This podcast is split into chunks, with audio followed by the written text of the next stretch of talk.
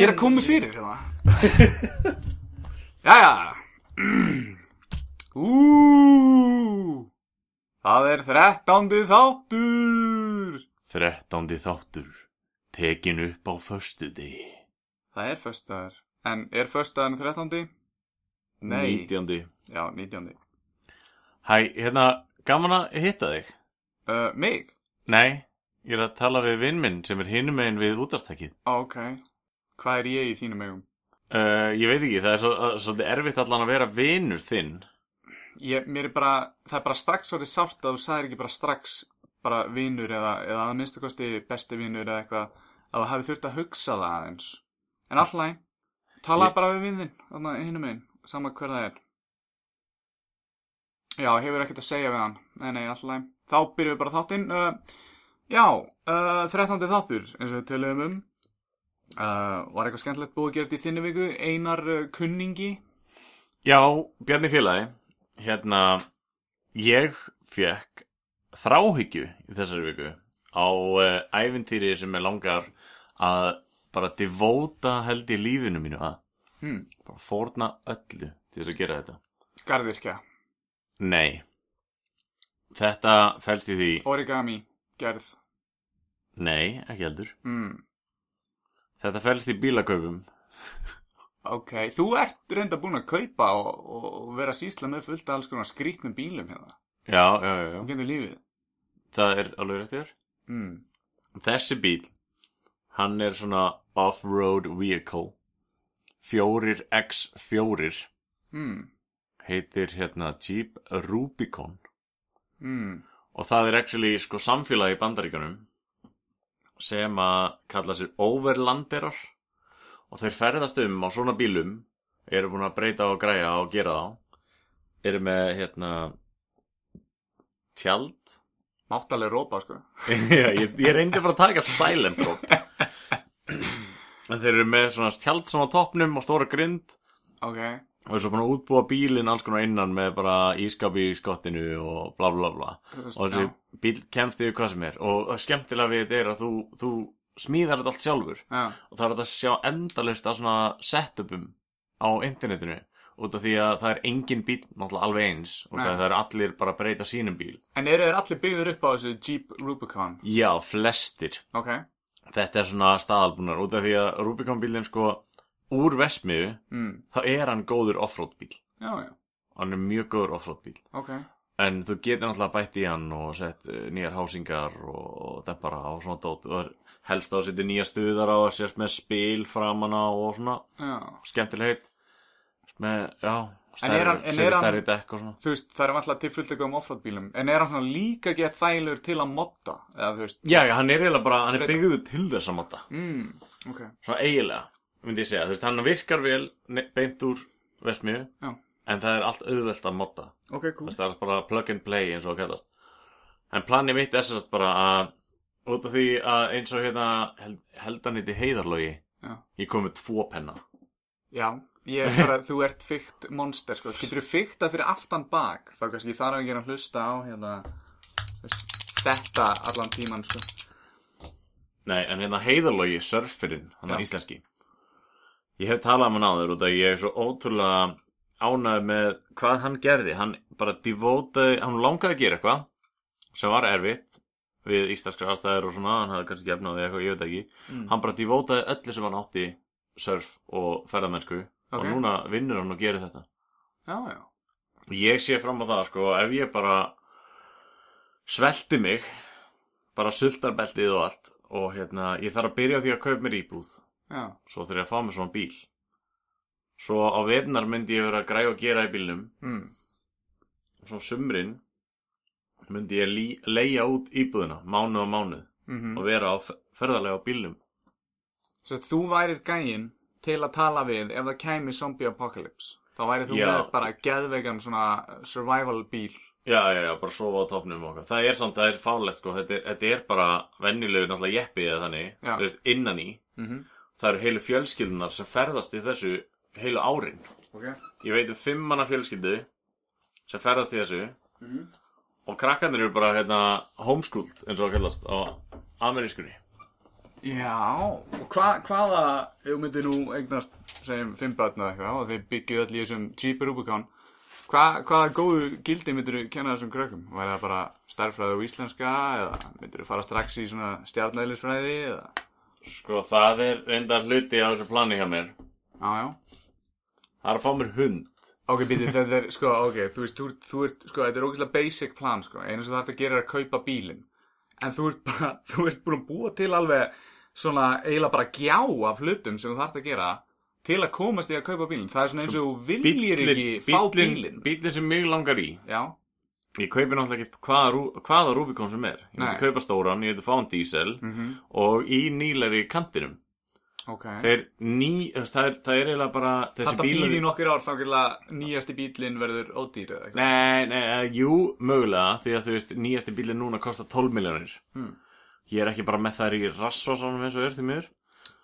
En hérna, uh, uh, uh, uh, annars En eru ef bara, þið áhærendur verið duglega að hlusta á þáttinn á heyrendur, annars eru þessi, geta peningarnir byrjað að rúlla í vasan að segja þess. Annars hérna, eru þessi bílar bara til bensín og eitthvað svona, eins og, ekki eins og ég vil hafa það, skilju. Ég, ég, ég, I have a dream. Ok. Þetta er þráhyggjan sem ég, ég, ég eittinast í heilum degi, ég, ég má eiginlega ekki segja þetta, ég eittinast í heilum degi í vinnunni og horfa á vídeo um svona, að breyta svona bílum og eitthvað. Ég býpa þetta bara út í post-production, þannig að þetta er alltaf... Ja, ég var að vinna á meðan, sko. Mm. Ég var með bara skjáinn að spila, no, noise cancelling headphone og ít að taka á vélinni á leiðinni. Ok. Þannig að það er örugglega allt vittlust smíðað. Já, já, já. Já, Það er allt byggt í svona Rubicon style, Jeep Rubicon style. já, já, já. Þetta er, nú er Auka hlutir fyrir Jeep Rubicon. nú er komið með þennan draum. En eins og vanlega þá var ég bara að vinna ógeðslega mikið í vikunni. Já. Fekk þessa þráhyggju. Mm Bara, ég reyndar, ég ætla kannski að skjóta inn í áður en þú byrjar vikunni þinni, að ég gerði, ég gerði svakaleg kaup í búð. Já, ég ætlaði einmitt að segja það. Er, er þetta svona eitthvað sem hún verður alltaf að gera? Áður hún, áður hún svona ferð að gera sem hún ætti að gera, þá þarf þetta að kaupa til að mynda þrjú pör af skóm bara til að fara út að hlaupa. Sko, máli var, ég ætlaði ekkert að fara að kaupa með skó. Nei. Ég ætlaði að prófa að máta hlaupaskó sem eru með svona dempun á hælum. Mm Því ég er búin að vera út að hlaupa núna og ég er búin að fá svolítið í mjóbaki. Ég á íþróttaskó en ég á ekki hlaupaskó. Já. Þannig ég er bara svona, ok, ég ætla að fara í þessa búð, ég var í kaffi í vinnunni og ég bara, ég ætla að, var, sérst að kaupa eitthvað drast í sindra fyrir vinnuna og var í, við hliðina á búðinni. Og ákvaða bara, ég ætla að prófa að máta þessa skó, aðtöfa hvernig fíla bara vera á henni. Og, hérna, eitt leitað eru, þá, hérna, vildi svo til að, þú veist, nýtt svona par kostar bara eitthvað 25 úrskall eða eitthvað. Mm. Það var eitthvað útsala í þessari búð. Mm Og ég eitthvað, já, ég kannski bara prófa að máta þessa og gellan bara eitthvað, já, hérna, í hvað stærð ertu? Og ég bara, bla, bla, bla, bla, bla. Og bara, já, heyrðu, þú ert rosa heppin. Ég eitthvað, hvað minnur þau? Bara eitthvað, við vorum, ég mætti þess að bara um leið og búðin opnaði þessu á klokkan tíu. Mhm. En bara, við erum með öll sýningar inntök á þessu hérna borði. Þau eru í þinni stærð. Og ef þú vilt eitthvað á þeim, þá ef þú tekur þrjú pör, þá færðu þau á 15 áskall. Það er náttúrulega bara madness með að eitt par kostar 25 skall. Já, þú getur ímyndað, þetta þá eru 75.000. Líka þetta var allt Armour, eða ekki? Under Armour skór og ég keipti mér basically, ég er með þess að með eitt pari núna sem er svo vennilegasta parið Já, síndu, settu þetta í ég mikrofónin. vil að sína mikrofónunum sko- skóin Sko, eitt skórin er hjá mikrofónunum, þannig að þið getið heyrt í efninu, þetta er mjög gott efni. Þetta er gæða, þetta er undir skónum, þetta hljóð. Já, já, já. og svo er svona merki hérna undir hælnum Ú, en þetta er svo að ég keipti þrempur sem er svo að einur eru léttir slaupaskór og þessir eru venjulegir og þriðju skórnir eru svona hérna offroad skór og þeir eru með þess að botnin á þeim eru úr hérna Michelin gummi sem er sama og er bara í dekkjum á bílum fjandir hafið það. Þú er uh, hitt á mjög góðan dag þannig hérna. þetta var, já, þetta var mjög fýtt dagur Já.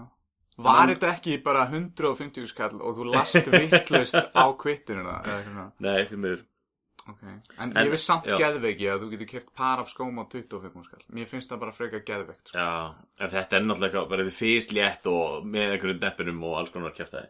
En allavega, ég er búin að vera mjög duðlegur að segja mig. Ég er búin að fara þreisa sem út að hlaupa í þessari viku og búin að taka eina fjallgangu og á morgun er laugadagur og ég er að fara að vakna klukkan 8 í rektina Já, þannig að þú ert að taka þessi átæki sem þú byrjar í fyrir reyndar svona mánuði Já uh, Þú ert að taka því alvarlega fyrst núna Ég er bara loksins að geta gert það Ég ætla bara að viðkynna það Mhm. Loksins núna, ég, það er búið að vera mjög erfitt samt Ég er náttúrulega að reyna að borða svolítið oft með föðu mínum mm -hmm.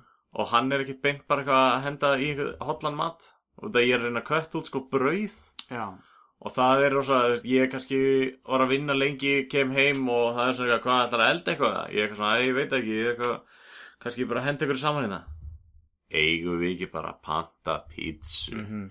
Þetta er svona eins og hérna, gæi sem er nýhættur að drekka, hann er bara á AA-fundinum og svona, viltu ekki bara drekka innan bjórið? já, já, já Þetta er, þetta er erfitt, sko. Hann er opinn Já Einmitt, en ég er, ég er búin að borða hambúrgar á ánbröðs, til dæmis þessari viku. mm. um, ég pantaði eins og pítsu fyrir hann og hann var að gera svona já, þú veist, ferði svo ekki bara að sækja pítsunar ég held að ég væri að kaupa pítsu handa honum og mér. En ég, þurfti að laumast á Subway og kaupa með salat á meðan ég fór bara svotti pítsu fyrir hann. Ertu ekki að þetta fela fyrir honum hotlistina þína? ég ætla að vikina það, ég er alveg svona pínu dæmdur held ég. Mm. Þetta er eins og ég borði hjá hann í hádeginu Mm. og ég bað bara um kjúkling og hann eitthvað svona, já, ætla ekki meðlæti, franskar og eitthvað? Ég bara ekki, herri, nei.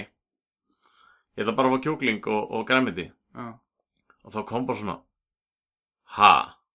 Þú veist, oftast er þetta bara svona mínúti símtali sem ég segi hvað ég vil og svo mæti ég bara, herri, já, segja það eftir. Já. Og þá kom bara svona, ha? Við, ekki, ekki, ekki neitt. Hvað, en, en, ha?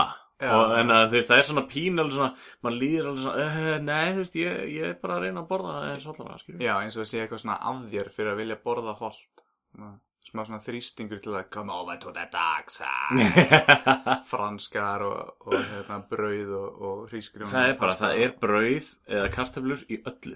Já, nema, þú veist, avokado eða eitthvað. Já, ég hérna svona sem uppfylli efni þá er ég búin að vera að vinna með að steikja brokkoli papriku, upp úr smjöri, já, já smjöri. Og, og hérna það er geðveikt. Já, mjög gott sko Og hérna eitthvað, akkur manni ekki? Jú, laukur og svona tómatar og steikja þetta bara, Mhm. setja balsamíkolíu og það er bara að koma eiginlega bara alltaf út sem svona góður, svona upp, gott já, já. Fyrir utan þá aðalréttin sem væri þá eh, kjöt og reyna að hafa það óunnið, skiljum En það er eitt sem er bara geggjað sem er, finnst það allir að prófa þetta ég hef aldrei verið hlaupari sko. Nei, að fara út að hlaupa Mhm. þetta tekur, þetta tók fyrst reyndar alveg næstu í klukkutíma eða eitthvað en ég hef orðið betri með hverju einasta hlaupi Ég hef alltaf að bæta mig Hmm. fyrsta skipti sem ég fór að hlaupa þá held ég ég myndi deyja Hvernig, hvar var þér mest ilt? Í fótunum eða lungunum?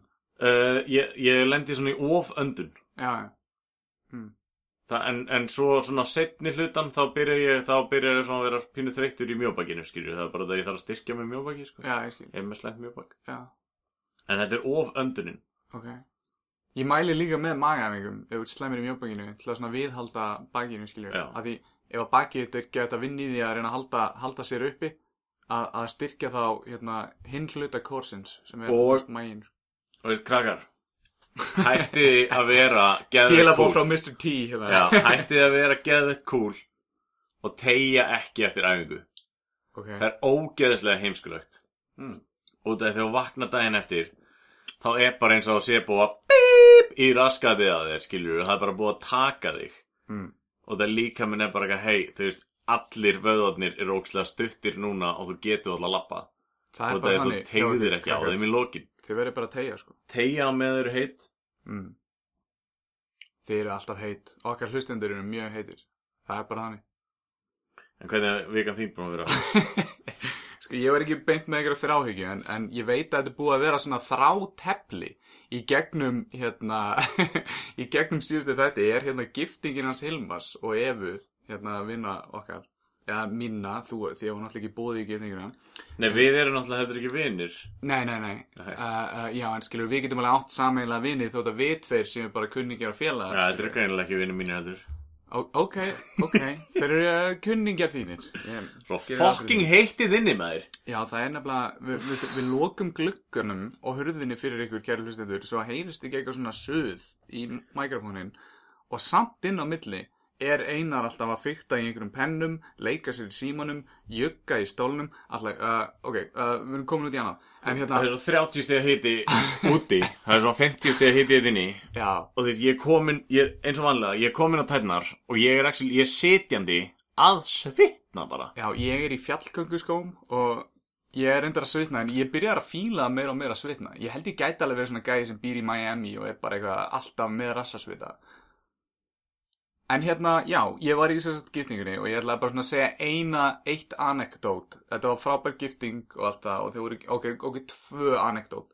Uh, þau voru gefin saman, þarna, öruglega klukkan eitt um daginn og síslumannskrifstofan eða eitthvað, en það var svona smá aðtöfn í byrjun, þar sem þau löbbuðu meðfram svona steinum í bakkarinum hjá fóruldrum efu og hérna steinarnir voru settir þannig upp að það voru svona, það var svona röð af steinum út, út í garðin og þar var svona hjarta og ef þið teiknið bara sagt, svona, sagt, svona strik uh, svona samsíða strik og gerir, gerir svona hjarta á endanum þá lítur það náttúrulega út eins og, eins og eitthvað, e, e, eitthvað líffræðilegt. Ég ætla bara að segja það, ég ætla ekki þetta er náttúrulega Hálsmenn með rass. Sumi sögur rass. Ég, ég vildi meina að þetta væri eins og svona, svona titlingur Besefi. og eista skilur en þú veist, þetta var mjög skaufi. sko hugsunar á baku var mjög falleg skilur að þið myndi lappa eftir þessari röð og að vera svona hjarta á endanum en ég, ég sá titling út úr þessu sumir sá bara skilur rass og, og e- eitthvað, tippi skilur en allagi, mjög, mjög falleg aðtöf fyrir utan þetta og hérna, sýstir hans Hilmars heldur síðan svona ræðu í steganum og það er allir svona inni sitja allir inni í stofu og hún stendur svona í svona, svona tröppum í miðjun einhvern veginn og er, er að er að hérna fara með mjög fallega svona ræðu um þau tvö sko Já, en svo ætlaðu að vera með gest í kvöld líka Já, býtu. Og hérna, uh, klára þetta. Hérna, uh, já, Elvari var bóðið líka, sko. Hann kom hann í giftinguna. Varst þú eini? Var, var, Ég að eini reykjanesbæðingurinn sem var ekki þetta? Nei, ég er enda að líða því. Honum var ekki bóðið. Ég vildi bara láta það líða illa. Já, En hérna, að því við erum ekki vinir. við erum ekki vinnir Allavega. Þá hérna, smá. En hérna, þetta er mjög platónísk ást. Platónísk? Plútós? Plútósk? Uh, hún fer með ræðuna hana. Og hérna, og ég sit í uh, einum af svona hægindastólunum sem eru hana. Og hérna, hún er bara að byrja með ræðina og ég er bara að horfa bara í augun á henni og er að hlusta á hana. Því ég er góður hlustandi. Skilur, eins og hlustendunir sem eru að hlusta á þáttinn, þá er ég mjög góður hlustandi. Hefur þú hlustað á heilan þátt að hemma frenda? Nei En ég, það, það er ástæði fyrir því En hérna uh, Allavega, hún er þetta með ræðuna Ég sit, ég er að horfa á hana Og svo er svona einhvern veginn svona rankaði við mér Og ég sé að Eva, skilur sem var að giftast til það Hún situr á svona stól Eða, eða svona armrestinu Hæra megin, skilur, arm, ég veit ekki hvað það heitir Svona Fyrir er hægra megin. bara stólarmur. Nákvæmlega, maður notar ekkert stólarmur á hvernig degi, sko, en, en hún situr á stólarmunum þarna hæra megin. Og ég er svona, ég er svona eitthvað að rekna í hausnum og ég svona kíki kringum í herbygginu og ég sé að Hilli, Hilmar, situr í hérna stóra sófanum vinstra megin við mig handan borðs sem er Þú er svolítið í því að reikna í haustum maður fyrir ekki bara svona í frítímum En alltaf leið uh, já. Og hérna, og, og, og sko málega er að sko stóllinn snýr svona á hlið frá, þannig, að- þannig að Eva sér Eva veit bara að ég sit í stólum hún, hún, hún sér mig ekki, skilju hún er að horfa bara til hliðar svona á hérna, Hildi og hérna, og ég svona mósina til Hilla, svona, hei, Kotti þú ætti að sita hér auðvitað, og svo kjánlega að ég siti hana með Evu þegar hún er að koma með ræðu um þau. Þannig ég er svona, Kotti, Kotti og ég stend svona upp og ég svona tek hann upp og, og hann svona fæ sér sæti, skilju og ég sest niður. Og svo hlustu á ræðuna og ræðuna klárast að klappa allir og eitthvað svona. Og svo kemur Hilli til mín eftir ræðuna og segir sko já, hérna hérna, ég byrjaði að hérna, strjúka á Evu bakið og hún röpp svo við. Að hún bara leiti baka og hvað er að gera? Þá hélt hún að ég væri að gæla við bakið á henni meðan ræðan var í gangi skilju, að því hún bara myndi að ég satt í stólum skilju og hún vissi ekki að ég svissa við Hilla. Þannig að það það var bara eins og ég hefði gett oh baby, eitthvað það er að gæla við bakið á henni í gifting. Skilju, á brúðköpsteginu þannig að hún var alveg "Ah!" bara eitthvað. En hérna, svo var þetta bara Hilmar sem eru örgulega verið með ógeislega skrítin svip þegar hún leit við, sko. Þetta er reyndar, þetta finnir það Þetta er, og ég, ég, sko, já, ég fekk eiginlega krampa í maðan því ég heyrði þetta, af því mér fannst þetta svo gott, sko, af því hún hefur haldið að ég væri, skilur, enn verra væri hún væri bara eitthvað, já, ég ætla ekki að gera mikið málur þessu, ég ætla bara að leifa honum að strjúka með bakið eða eitthvað, skilur hvað er að meina, ég vil hefði ekki kíkt við og væri bara allan tíma alveg, hvað er Bjarn að gera, já. akkur er hann að gæla við bakið Bjarni vinnur er ógestur vil, var að strjúka með bakið Alveg. á brúðkastæðinu já, og hvernig myndi hann síðan fara að útskila alveg, nei, þetta var ég, alveg, nei, Bjarni satt á það, skilur Nei, nei, nei, þetta var ég sko Hún bara, nei Einmitt. Ég vil aldrei sjá hann aftur fyrir vinnan minnar dyr, mínar dyr. Uh. En þú að rekna í frítímaníðinu Já. Þú varst eins og að leysa einhver algjörður dæmi heima hjá þér, eða ekki? Uh, jú, ætlum við ekki að reyna að hafa þetta í svona 10 mínútur. Við erum komnir í 20 mínútur með þetta. Já, já, intro, þá, þá býðum við bara með þess algjörður sögu Hóngum til einhvern tíðan Einhvern tíðan Þetta voru, voru hvítistóla á En það ekki býtu, við ætlum líka að tala um spooky hluti að þetta er 13. Já, já, já, reyndar líka það að það er að koma gestur og eftir Já, Það já, kemur bara sjóðandi heitur af uppistandi Sem er mjög spennandi og þetta er einmitt uppistand sem við erum að fara á. Og annar, uh, hvað kalla, kollegi hann, er- Þessi er líka kollegi okkar Já, að því hann er með laðvarps. Hann er með hlaðarpsátt, já Hvað heitir hann? Hann heitir Elvar Hann heitir Endalus Óviska. Endalist óviska, já, já, já, já Ég vissi að það væri eitthvað svona endalist og eitthvað svona óvitandi Já, já. Endalus óviska Já, og hérna, sko... Hann er mér að taka alveg fullt af fólki í viðtöl sko. Já, og hann er líka með vídeo. Það er hérna, þannig að ef þið viljið sjá podcast sem er líka með vídjói og það er búið að svona klippa, skiljur það er bæði svona white shot og svo er svona shot á gestin og svo er svona shot á Elvar sjálfan. Þetta er er- mjög professional gert hjá þeim, sko. Þá er það að mælu með er þeir. stærsta bros Reykjanesbæjar held ég, sem maður Já, það. Já, hann er, hann er fallegur, sem maður Já, já. Hérna, eru þið vinnir eða? Ég á enga vinni, ég á bara fíla Ok. Nei, hann er vinur minn, Ah, skal það segja þér ok. Án Eva erum við mjög góður vinir Já, veist, veistu núna, ætla ég bara alltaf þegar þú talar í podcastinu, þá, þá, þá talar eins og sé að skilju, þannig rödd. Það skulle ræða hvort við erum ennþá vinir eða ekki. Ó, ég skal líka klippa prómóið bara eins og þú sért einhver nýnarsisti Ó, vá, ég þarf að klippa prómóið, þetta er svo mikil vinna. Já, En þetta spooky hérna, já, bara svona uh, smá saga hérna, því þetta er 13. þáttur. Þetta er ekki beint svona spooky saga, en ég komst að því þegar ég bjó einu sinni upp á Ásbrú að innst inn í mér, það er oft svona þegar maður er í svona mjög stressful situations eða svona þegar maður er bregður, þá kemst maður að því hver sinn innri maður er. mm Og hérna, ég veit að ég er búin að vera að tala svolítið mikið því ég var að segja giftingarsöguna, en ég skal reyna að vera að snögga með það. Uh, Ég er líka með það sko. Já, já, geggjað, þannig að þú endur á henni og hérna, allavega, ég var að lappa ógeðslega seinta kvöldi inn í hérna blokkar íbúð á Ásbrú. Og það var, það var slögt í ganginum þannig að það var enginn á ganginum. Ég er eiginlega búin að spoila þetta, þið viti hvað er að fara að gerast. En ég opna hurðina og ég sé bara svona out of the corner of my left eye skilju, úr vinstra augunum mínu sé bara eitthvað svona ljós. Og ég kíki og það er uh, stelpa með í símanu sínum. Þannig að ljósið úr símanum hennar fer svona á andlitið hennar og það er bara svona, ú, þú veist eins og þegar maður er svona, ú, ég er að segja draugasögu og heldur svona flashlight eða hérna, akkur get ég bara að tala á ensku núna? Þú heldur svona vasaljósið upp að augunniðinu svo, "Ó, ég ætla að segja draugasögu skilur við, andlitið þitt verður spooky. Og hún leit svona spooky út. Og mér brá. Og viðbröðin mín var að bregðast við eins og 50 til 60 segjum 60 kona. Og ég, og að því ég var nýbúin að anda út þá, þá þurfti ég að anda inn og ég sagði upphátt án þess að það ráða við mig. Jésús Ég, ég sagði Jésús á innsóin Ég bara, af hverju, af hverju samt miðaldra konur, af hverju talaðir svo mikið á innsóginu? ég veit það ekki. Þú veist, þetta er furðulegt, sko. ok, en ég komst að því þá að ég, ég var, þú veist, uh, eldri kona sem, sem er trúið og ég var alveg, ég, ég held ég að mér svo sagt minn, þú veist bara á, á innsóina því ég var búið með allt súröfni sko, og mér brá svo mikið að ég varð að segja þetta upphátt og hún náttúrulega bara hlóað mér og ég sagði bara, ég þau gott kvöld og bara svona í íbúðunum þannig að, Já. Ég er, þetta er enda, mér hefur bröðið ógeðslega mikið. Ég er, ó, er ótrúlega auðvelt að bræða mér. ok til dæmis í vinnunum minni Mm. þá snýr vinnustöðu mín þannig að ég sé ekki alveg þegar lappar ykkur inn að aftan. Já, þannig að ég fór og keifti svona trukkaspegil já, já, og er búin að mánta hann á veggin skiljanlega. svo ég sjá hvort það sé ykkur að koma fyrir aftan mig. Já, en ég á svona smá þetta er ekki alveg draugasaga þetta er bara þetta er spooky finnst mér. Mm. en ég hérna eins og þú fórst í eyðibílu um daginn. Já Það var ekkert spooky við það, þetta var ógislega kósi bara og... Nei, nei, nei, nei, en þegar ég var yngri og var svona úlingur og eitthvað, þá fór ég í eyðibíli mm -hmm.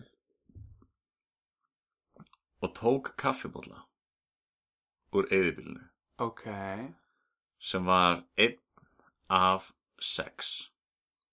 ok. Þannig að, hérna, Það var svona stel Já. Það var eitthvað svona stel og það voru tveir bollar alltaf alveg eins, þannig að það allt í hennu vantaði einn bollan í stelli. Ég fer heim með hennan kaffibólla og ég, ég var bara svona geggi, ó, ekki, ég sátti eitthvað kaffibólla bara, "Ó, þetta verður upp á spolli minn. Þegar ég kem heim og var að fara að sofa um nóttina, get ég ekki sofið út af því að ég veit að því að kaffibóllin er á borðinu mínu. Og ég þurfti að taka kaffibóllan og ég þurfti að fela hann onni kassa inn í skáp í einhver rúm fimm ár eða eitthvað. Út af að ég höndlaði ekki að horfa á hann. Út af að mér leið eins og það væri einhver að leitast eftir því að fá hennan bolla aftur. Að stellið þyrst að vera heilt. Ég á hennan bolla ennþá í dag, sko. Ok Og ég hef drukkið úr á hann kaffi. Mér líður einhvern veginn, þetta er auðveldara í dag og það er komið svo langt síðan. mm En ég gæti verið að upphefja hræðsluna inn í mér aftur núna. -hmm. En ég var gjössanlega skít hrættur. Mm -hmm. Og ég hérna... Já, maður á ekki að gera svona. En það gerðist í raun og verið ekkert spooky. Það var bara var bara- Þér leið Já, svona var eins og bara- það það væri var- eitthvað í loftinu. Já, það var eins og það væri einhver að íti í mig og þú veist, svo að rökkva upp úr svefni Já, eitthvað. ok, það gerðist, þetta var Já, svona spooky. Já, já, Ok, ég var alveg að rökkva upp úr svefni og það var alltaf það fyrsta sem var á huganum var bollin Já, og alltaf bollin já, og já, ég hérna ég einn daginn þá mun ég held ég fara í það eðibíli aftur og skila bollanum. Hvað hljóð var þetta? Þetta var einnig eitthvað spúki En hérna, já. Og, og þegar þú skilur honum, heldur þú fáið svona ró yfir þig? Ef að hinir bollanir eru ennþá þarna. Annars náttúrulega kem ég bollanum aldrei aftur í svona sönnu fjölskyldu. Þetta er grunnur að svona geggjuðu spooky handriti. Og þú þarft að finna allt fólki sem tók líka bollana og þeir þurfðu öll að samena þá á miðnætti á eyðibílunu aah, eitthvað og það er stormur og, og, og fólk og draugarnir eru alveg að fara eld ykkur og eitthvað og þeir skili bollunum og svo segja þau eitthvað haldið að þetta hafi verið nóg og þau draga ykkur öll niður til helvítis. Ég veit af því að sko ásverður gjör það sem að þessi bolli var tekin þar var í gamla dag fólk drepið sko og þau eru bara að geða kaffi þyrst núna í Afterlife veit ekki en það er, hérna, það er margt svona Er ekki bollaðu það? Þetta er svona íslensk spooky saga, skilur. Það er svo margt spooky við Ísland, þú veist. Það var verið að henda börnum í drekkingafoss og eitthvað svona kjátt. Barnafoss, það er ekki út af hann svo lítill og krútlegur, sko. Mm. Það er út af því að þarna var verið að fleia börnum fram af, sko. Ég veit ekki ekkur ég er að hlæja að þessu Hérna, já Kannski að ég þekki ekki þessi börn Kannski Nei, ef ég væri- Ef ég væri á Rubicon bílum mínum, Mhm, þá væri ég náttúrulega með ljóskastara á honum, allan hringin. Ok Þannig að ég gæti farið á svona spooky staði, mhm. verið með ljós Mhm. og ekki þurfti að vera hrættur. Já, en draugarnir slökkva bara einhvern veginn á ljósunum Þú hefur alveg séð þessa myndir, sko þar sem draugarnir bara, þeir ráða öllu ramakstengdu Þeir stjórna því, þeir stjórna hurðum Þú getur ekki opn, þeir, þeir geta læst hurðum bara svona sér svona Þú ert ekki að fara að komast aftur inn í bíl, sko Ég veit hérna, Óskar, takk og bless til hamingi með opnununa þessari viku. Já, ég hérna Það er vist búið að vera uppselt held ég tvo daga eða eitthvað eða þú veist, ekki það búið uppselt í tvo daga heldur þeir bara kláruðu byrðirna sem þeir hefur búið til fyrir daginn Mhm. þeir kláruðu þær út af því að það eru allir bara að trillast Ég er reyndar ekki búin að fara, ég verði að veikina ekki heldur En hérna, ég get ekki beðið eftir að smakka annað fiski takkó gæjan, sko. Ég held ég mæti líklegast ekki fyrir en að Elli sér í þáttinum. Já, Á, eru, eru við svona að snúi Já, við? já. Þetta er Ella að kenna, við erum ekki búin að smaka þetta. Já, Ég held að hann hafi bara ekki undan. Ég held að hann sé bara þarna 24-7 að búa til mat eða afgreða mat, skilur við já, það eru glega sko. Kokka En ég er bara svona eitthvað pínu að líka stríða honum, skilur Já, þess að poti björnin Já. Já, annars bara uh, Takk á bless Þú getur hlusta á Hemma frænda á Spotify, iTunes, YouTube og Soundcloud. Fylgst með öðru eins grallarefni á Facebook, Instagram og Twitter. Sjálfur maður En þetta, já, uh, þú mátt endla bara kynna því í mæki Við erum ekki alveg viss hvernig við erum að bera fram fyrranatnið Já, það er bara elvar Það er Það bara Það Elvar. er, já, það er bara borið fram með elvar En það er ég skrifað er- með effi Hann, hann er alltaf að, að röfli mér með stafsningu og drast, þannig að ég er búin að vera bara elfar. Já, Já, já, já, Já. Ég hugsa, heili minni Ég líka reyna bara að koma Elfar. með réttan framburð. sko. Algjörlega, þetta er einmitt sko Þetta er, já, þetta er svona Maður dettur oft í þess að grifja nefnilega líka í, í ein, ein, einmitt í gríninu Þá hérna Þá er þetta sko að elvar með effi Því þið er álfur Mhm. Og svo þór, fattar þau, þrumuguð Þannig að álfa þrumuguð Það Já, er þessu nafni með já, já. en, en elvar með effi er í raun og veru Íslensk útgáfa dönsku nafni Hmm. að því sem mér skilst Ok, ok. á þess að hafa rannsakað nokkuð tíman áður Já, það var ok. bara einhvað sem mamma sagði mér einhvern tíman En þú veist ekki kannski hvort það sé skrifað alveg eins eða, eða hvað með það, það er skrifa með að vaffi oftast það var það var rosalega algengt á, á mínum yngri árum að, að það, ég þurfti alltaf að kynna mig elvar með effi þegar það var verið að skrifa niður nafni mitt Ég skil það Gekki og hefur 100% áttu við eins og hétt F. Já, ég, ég, ég, ég, ég, ég nefnilega Hvað er það að meina? Elfarf Elfarf Far- Felfarf Hvað er það að meina? út af, því, út af því að það var alltaf skrifað vittlust og það er, er svona Þetta er svona eins og maður sem heitir Kristján hatar að vera kallaði Kristján. Já, já, já, já, Maður sem heitir Elvar með Effi hatar að sjá nafni sitt skrifað með Ah, Effi Þegar ég kallaði Jón Bjarni það fyrir svolítið þetta með að ég heiti Bjarni Jón sko. Já, já, já, akkurat. En það munar fyrir Jón. Ottur og Jón Bjarni frekar sko. Eða sérstaklega eldra fólk. En eins og bíómynd. hlustendur heyra, þá erum við með gest í stúdíónu.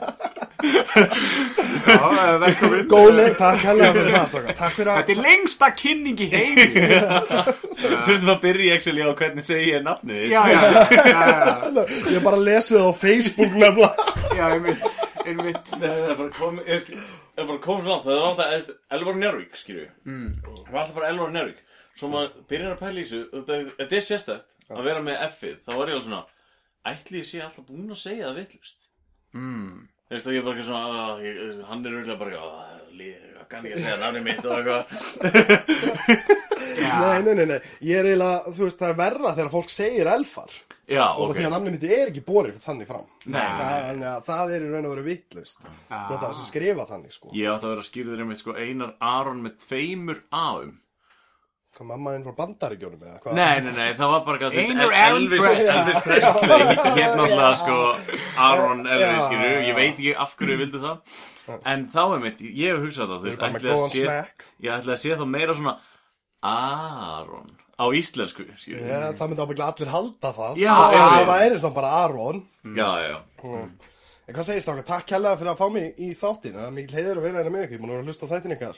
Að undanfæðinu og úkslega gaman að fá að taka þátt í þessum Þú lendir Hey. hendar í óhappa þætti. Nú, Já, þetta er mest spooky þáttur sem við nokkuð tíma gert. Það er 13 já. Þetta er 13 Já, það er happ að tala mín maður. Nei, í alveg Já, ég ætlum bara að láta ykkur vita að þetta tekið upp nánast á miðnætti hérna. Uh, Elva var það góður að mæta hérna á miðnætti og tala við okkur eftir uppistand á hérna Secret Cellar. Sem við vorum reyndar það hefnir að fá Við skelltum okkur. Já, Takk kærlega fyrir að koma maður Ógísla gaman að koma bara. Því líkur heiður að fá ykkur maður Þetta var líka fyrsta kvöldi mitt sem ekki open mic er sko.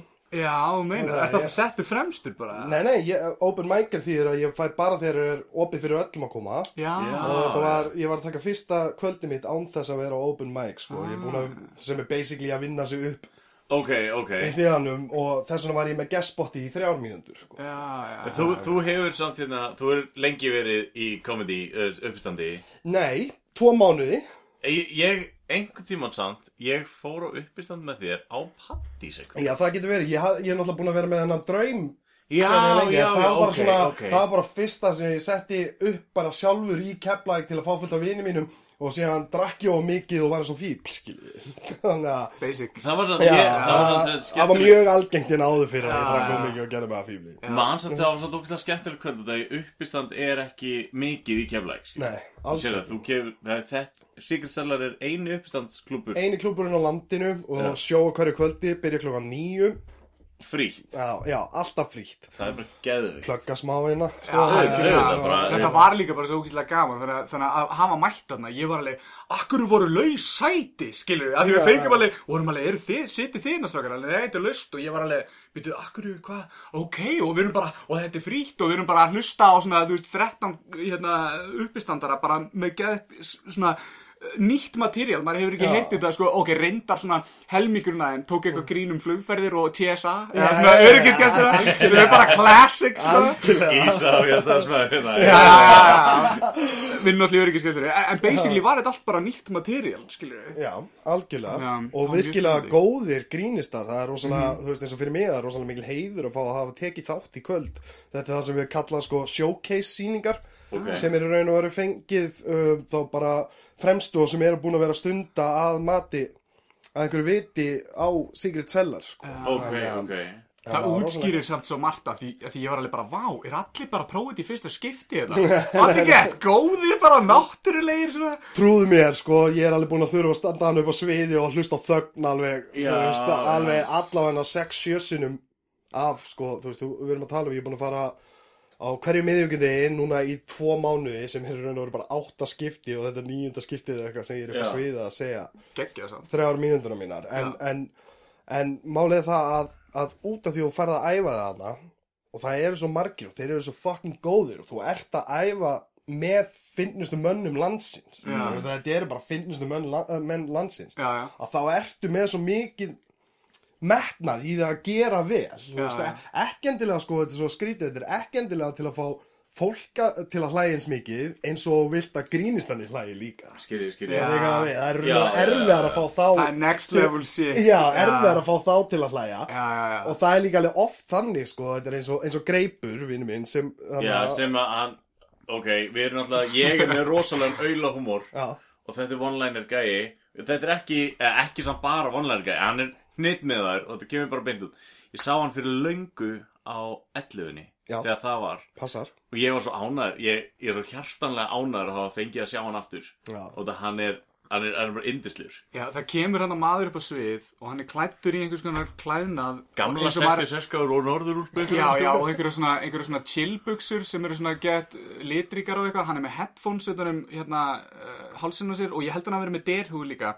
Og hann lítur bara út eins og hann er að vera í fylgd með einhverjum staðinu, þrátt fyrir að vera auðvitað eldri en við allir, skilur við þá leit hann út eins og, eins og það er svona sérstakur bíl að býða fyrir utan, skilur við einhver gæi sem skutlar hann um og, og hann er með svona neyðar síma í vasanum og eitthvað, skilur við eins og hann megi bara ekkert vera að gera þetta, skilur við svo koma með þetta bara, þú veist, bilaða one-liner sjó hann. bara með, með sko eitt, eitt af bestu sjóunum hans líka í kvöld. Það var bara fucking on it í kvöld. Það var ógæslega gaman að sjá Mhm. það út af því að þetta er erfiðasta form af gríni sem þú gerir sem hann er að gera mm. það, er, Sem- það er bara Svona þannig, stutt sko. og hnitt með það bara. Já, þú veist, ég meina með eitt brandara sem er tíu sekundur og með fimm mínútur til að fylla já, já. skiljið, þú veist, eða sjö mínútur eins og hann var að taka í kvöld þetta er ógeðslega mikil vinna Hláturinn hans var líka að gera þetta svo geðveikt sko. að Ég ætla samt bara að plugga því að fólk sem að hlustar á okkur talið þennan grínast það þá er hann í viðtali hjá þér í næsta þætti Já, já, já, algjörlega í, í þætti nummer 16 held ég þætti Já. nummer 16, já,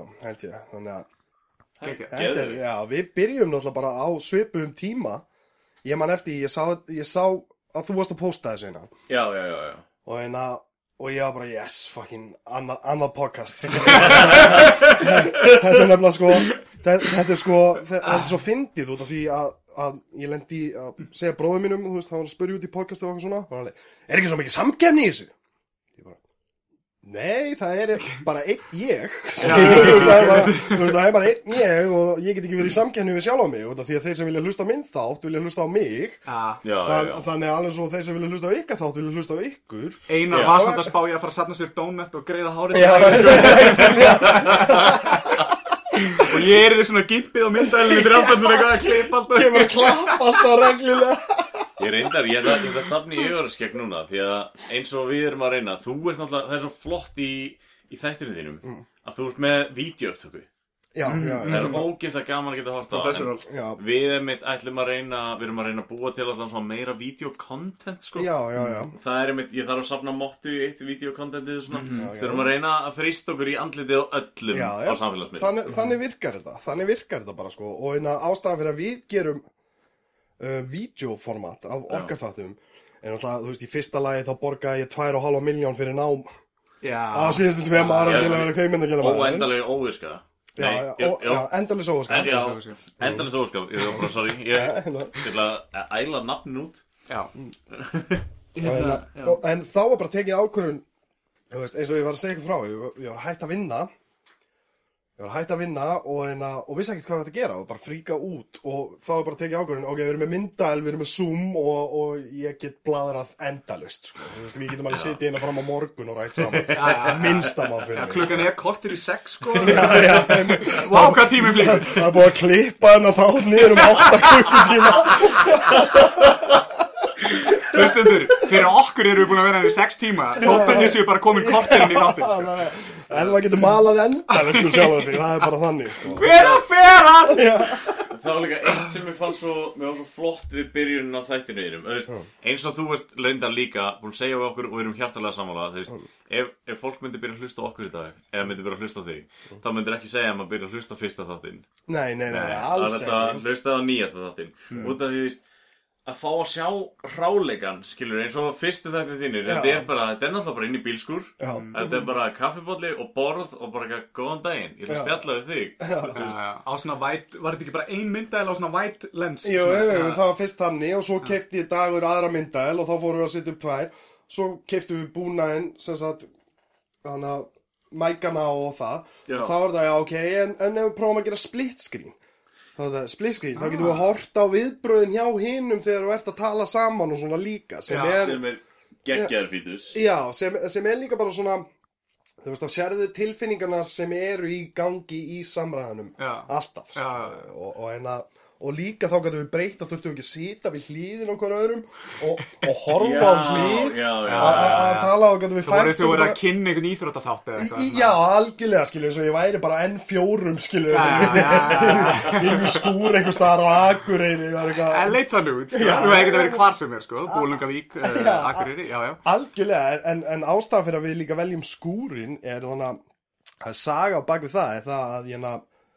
sem flestir sem þekki mig vita að ég átti við mjög stórt áfengis og eitthulega vandamálastriða í mörg ár, síðan ég var bara 13 ára átti Hvað ég, ertu gammal í það? ég er 31 árs í dag. Já, já, já. og, en, að- og frá að með 25. júni er ég búin að vera edru í þrjú ár. Takk fyrir það, takk fyrir það. Og ég átti við, við rosalega stórt fíknefna og, og en áfengisvandamála stríða alveg frá ungum aldri og þá til ég er 28 ára gamall. Já, og, og þegar við förum veist, og inn í skúr hef ég átt svo slæmar minningar vakna döður við pappa að vekja mig og allt svona já, að, já, já. að ákvörðun var tekin núna breytu við andrumsloftinu þannig að alltaf þegar ég lappa inn í skúr þá er jákvæð og uppbyggileg tilfinning að koma að hana inn skiljiði. Leiðir er þannig strax bara þegar þú byrjaðir eða var það erfitt að transforma þessu? um leið og ég byrjaði að gera eitthvað jákvætt inn í skúrnum bara eftir fyrsta þáttin Já. þá var honum spenntur að þau fara út í skúr aftur, Ok. skiljiði. Þú Það er veist, einhver og- ótrúlega fallegt og gott sko. Já, þú veist, og, og þannig líður, líður til dæmis foreldrum mínum núna, foreldrum Já, mínir já. búa í þessu húsi sem við tökum upp í skúrin og það er bara, þú veist, það er sko, þegar mamma og pappi eru, þau eru búin að vera að taka húsi í gegn og svona, þegar mamma og pappi eru heima og gestir koma, þá er bara komið kaffi, það er komið kleinur og það er komið Akkur er pappi þinn ekki að gera þetta fyrir okkur? út af því að gamla er náttúrulega bara svo heiminn lifandi að strákurinn vakna og fara að gera eitthvað, þú veist, kreatíft Já, við lífið sitt. og, og það er svolítið svona svo ég megi predika smá það er, rosa, ja, það er svolítið svona líkillin í, í lífi sem svona fíkils eins og mig er það að þeim vantar tilgang eftir allt ruggli á sig Já. Já, já, veist, og það er ástæða fyrir að við dettum í það aftur og alls konar svona hlutir já, út af því að þú finnur þig ekki út af því að, og það verður að vera þín tilfinning það verður að vera þín, ást, þín ástrið og þinn draumur út af því að þú ætlar að koma og vera edru og, og ég ætla að fara að læra lögfræði samt, þú veist, Já. þóli ég ekki að lesa bækur skilur Nei, nei, nei. þú veist, og, og það, það, þá gengur þetta ekki upp Bara á þínum fósundum Já, er á, á sínum fórsetum sko. ánægð líka, við hefum stoltið rætta með þú veist, fyrir okkur að gera þetta podcast og svipað fyrir því Já. að sama hvað er í gangi í vikunni hjá manni Mm. þá eigður maður þessum tíma í að gera eitthvað fyrir sjálfa sig Já, maður er engang að gera það sjálfa sig veist, þetta er svona, liggum við bara eins og að fara í við vorum að reyta í bíl núna, þetta er svona að fara í kirkju já, Já, algjörlega já. ákveðin Já. svona aðtöfn, ákveðin svona sálfræðilegt svona, hérna ákveðin svona sálfræðileg svona útrás bara að fá að tjá sig og, og Já. svona og líka bara við gerum þetta alltaf, þú veist ekki alltaf sami dagurinn þá nei, við, veist, það við er að- stundum alveg geðvitt erfitt að finna tíma en við gerum það Já, samt algjörlega, út af því að þetta er sko Þetta er ykkur Ég verði að spyrja, en ég er, með, ég er með þrjár spurningar sem er komnar í hausinn sem ég langar að spyrja þig. Endilega, skjóttu uh, allar í einu, go. Já, Hvort er erfiðara hann getur það, hann ræður við það. Hvort er erfiðara að fara upp á svið uh, með uppistandi eða syngja í karaoke? Það er verið að fara upp á svið og segja brandara. Segja brandara, ok, við erum nefnilega að ströggla við karaoke dóti, sko, við erum ekki komnir svo langt. Nei. Er algjörlega brandara sko Ég múin að gleyma hérna spurningu. Á það er líka, það er líka sko þjóð með brandarna þá ertu ekki með texta fyrir fram að þig. En ég var að pæla, gæinn sem var að nýbúna, ég man ekki hvað hann heitir Hans, getið það Já, verið, Hans, sem já. talaði bara miljón tungumál upp á sviði Nei, og- nei. það var ekki Hans, það var nei, hérna- nei, það, það er hann hérna Hans er bróður Þeir voru báðir lágvagnir, sorry að ég rugglaði þeim Já, saman Þeir voru báðir Helgi lágvagnir Steinar, Helgi Helgi Steinar, Steinar, hann já. verður einmitt og plöggum aftur næsti gestur í endalus óvaska Já, Já, næs, hann. Hann horfði geðuð mikið á skjáin er, er hann með text á skjánum eða er þetta tíminn? Við erum með tíma til að segja okkur og drull okkur á sviðinu. Og það bara, að þetta var að byrja að blikka greið Það bara, þú veist, það hafði helling eftir Já, bara. það, það er bara oft þannig það um, eins og í kvöld hjá mér, mér gekk nú ágætlega, mér gekk ágætlega það já. er, þú veist, ég náði hlátrunum það sem ég vildi og Já, allt svona en, mér gekk ágætlega já, takk fyrir það, mér gekk ágætlega fram að því að þegar ég er að taka sér satt Hitler bitið þú veist, að, þótt, þótt að það er fyndi og það virkar alltaf þú veist, og þetta er ógæslega fyndi að hugsa út í þetta. Þjóðverjarnir þarna sem voru þarna. Já, ég vissi ekki af sem ég á mann að vera upp að reykja þegar að þeir voru Ég vissi ekki af þjóðurunum veist. Oh my god. En hei, ég meina, þú veist, hversu oft hugsar út í Hitler sem ungan strák sem áttu drauma? Einmitt. Þú hugsar aldrei út í það, hugsa bara um Hitler öskrandi 999 eins og brjála Sjöni Adolf. Kom little Hitler. Spurning nú tvö sem ég ætla að spyrja er Hitler-dúkan í bílskóni hjá þér. Já, já, ok, það er, er eitthvað svona átt, eitthvað stutta útskýringu á svo af hverju það er Hitler-dúka? Málið að, að þetta var ekkit Hitler dúka upprunulega Þetta var bara dúka með svona hár og stórt yfirvaraskegg En með árunum hafa bara hárin á hliðunum á yfirvaraskegginu minkað svo mikið að nú er þetta bara orðið einn Hitler.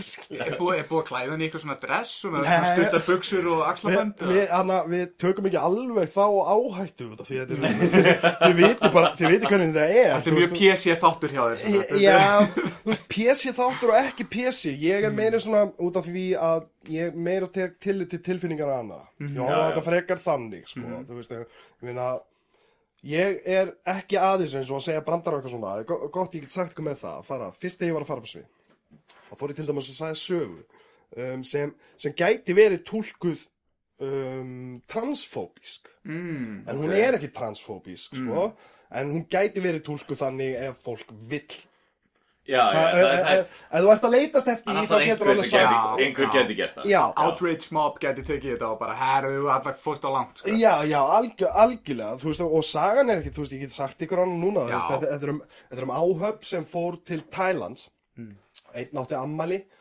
þannig að, að hérna tveir af þeim fóru og, og, og hérna fundu hóru.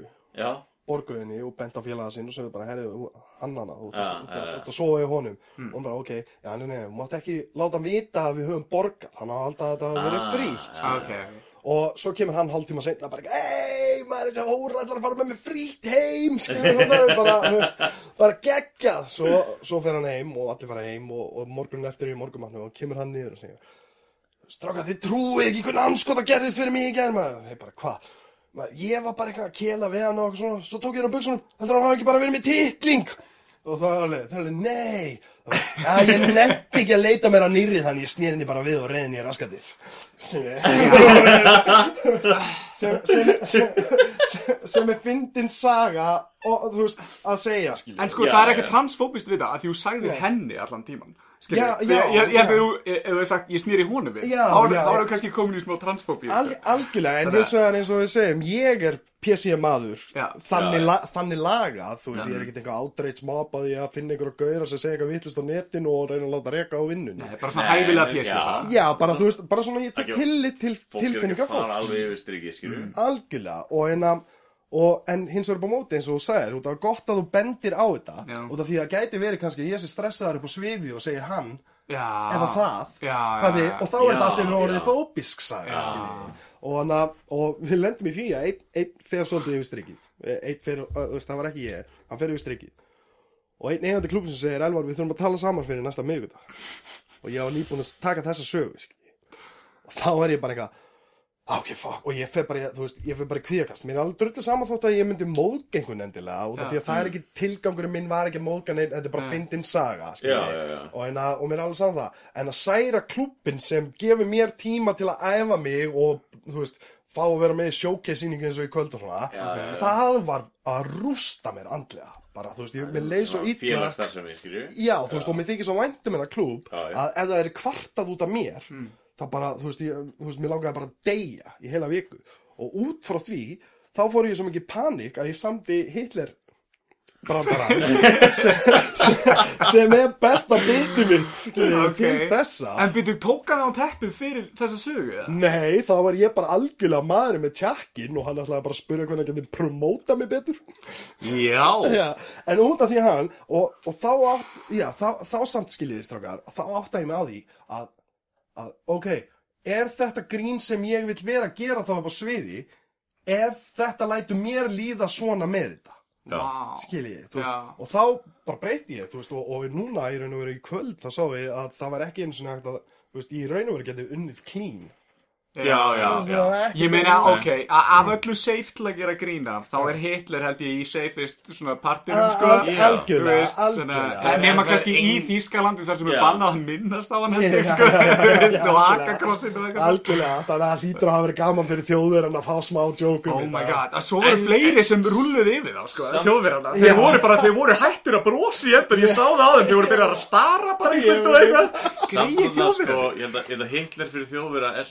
Trump fyrir Já.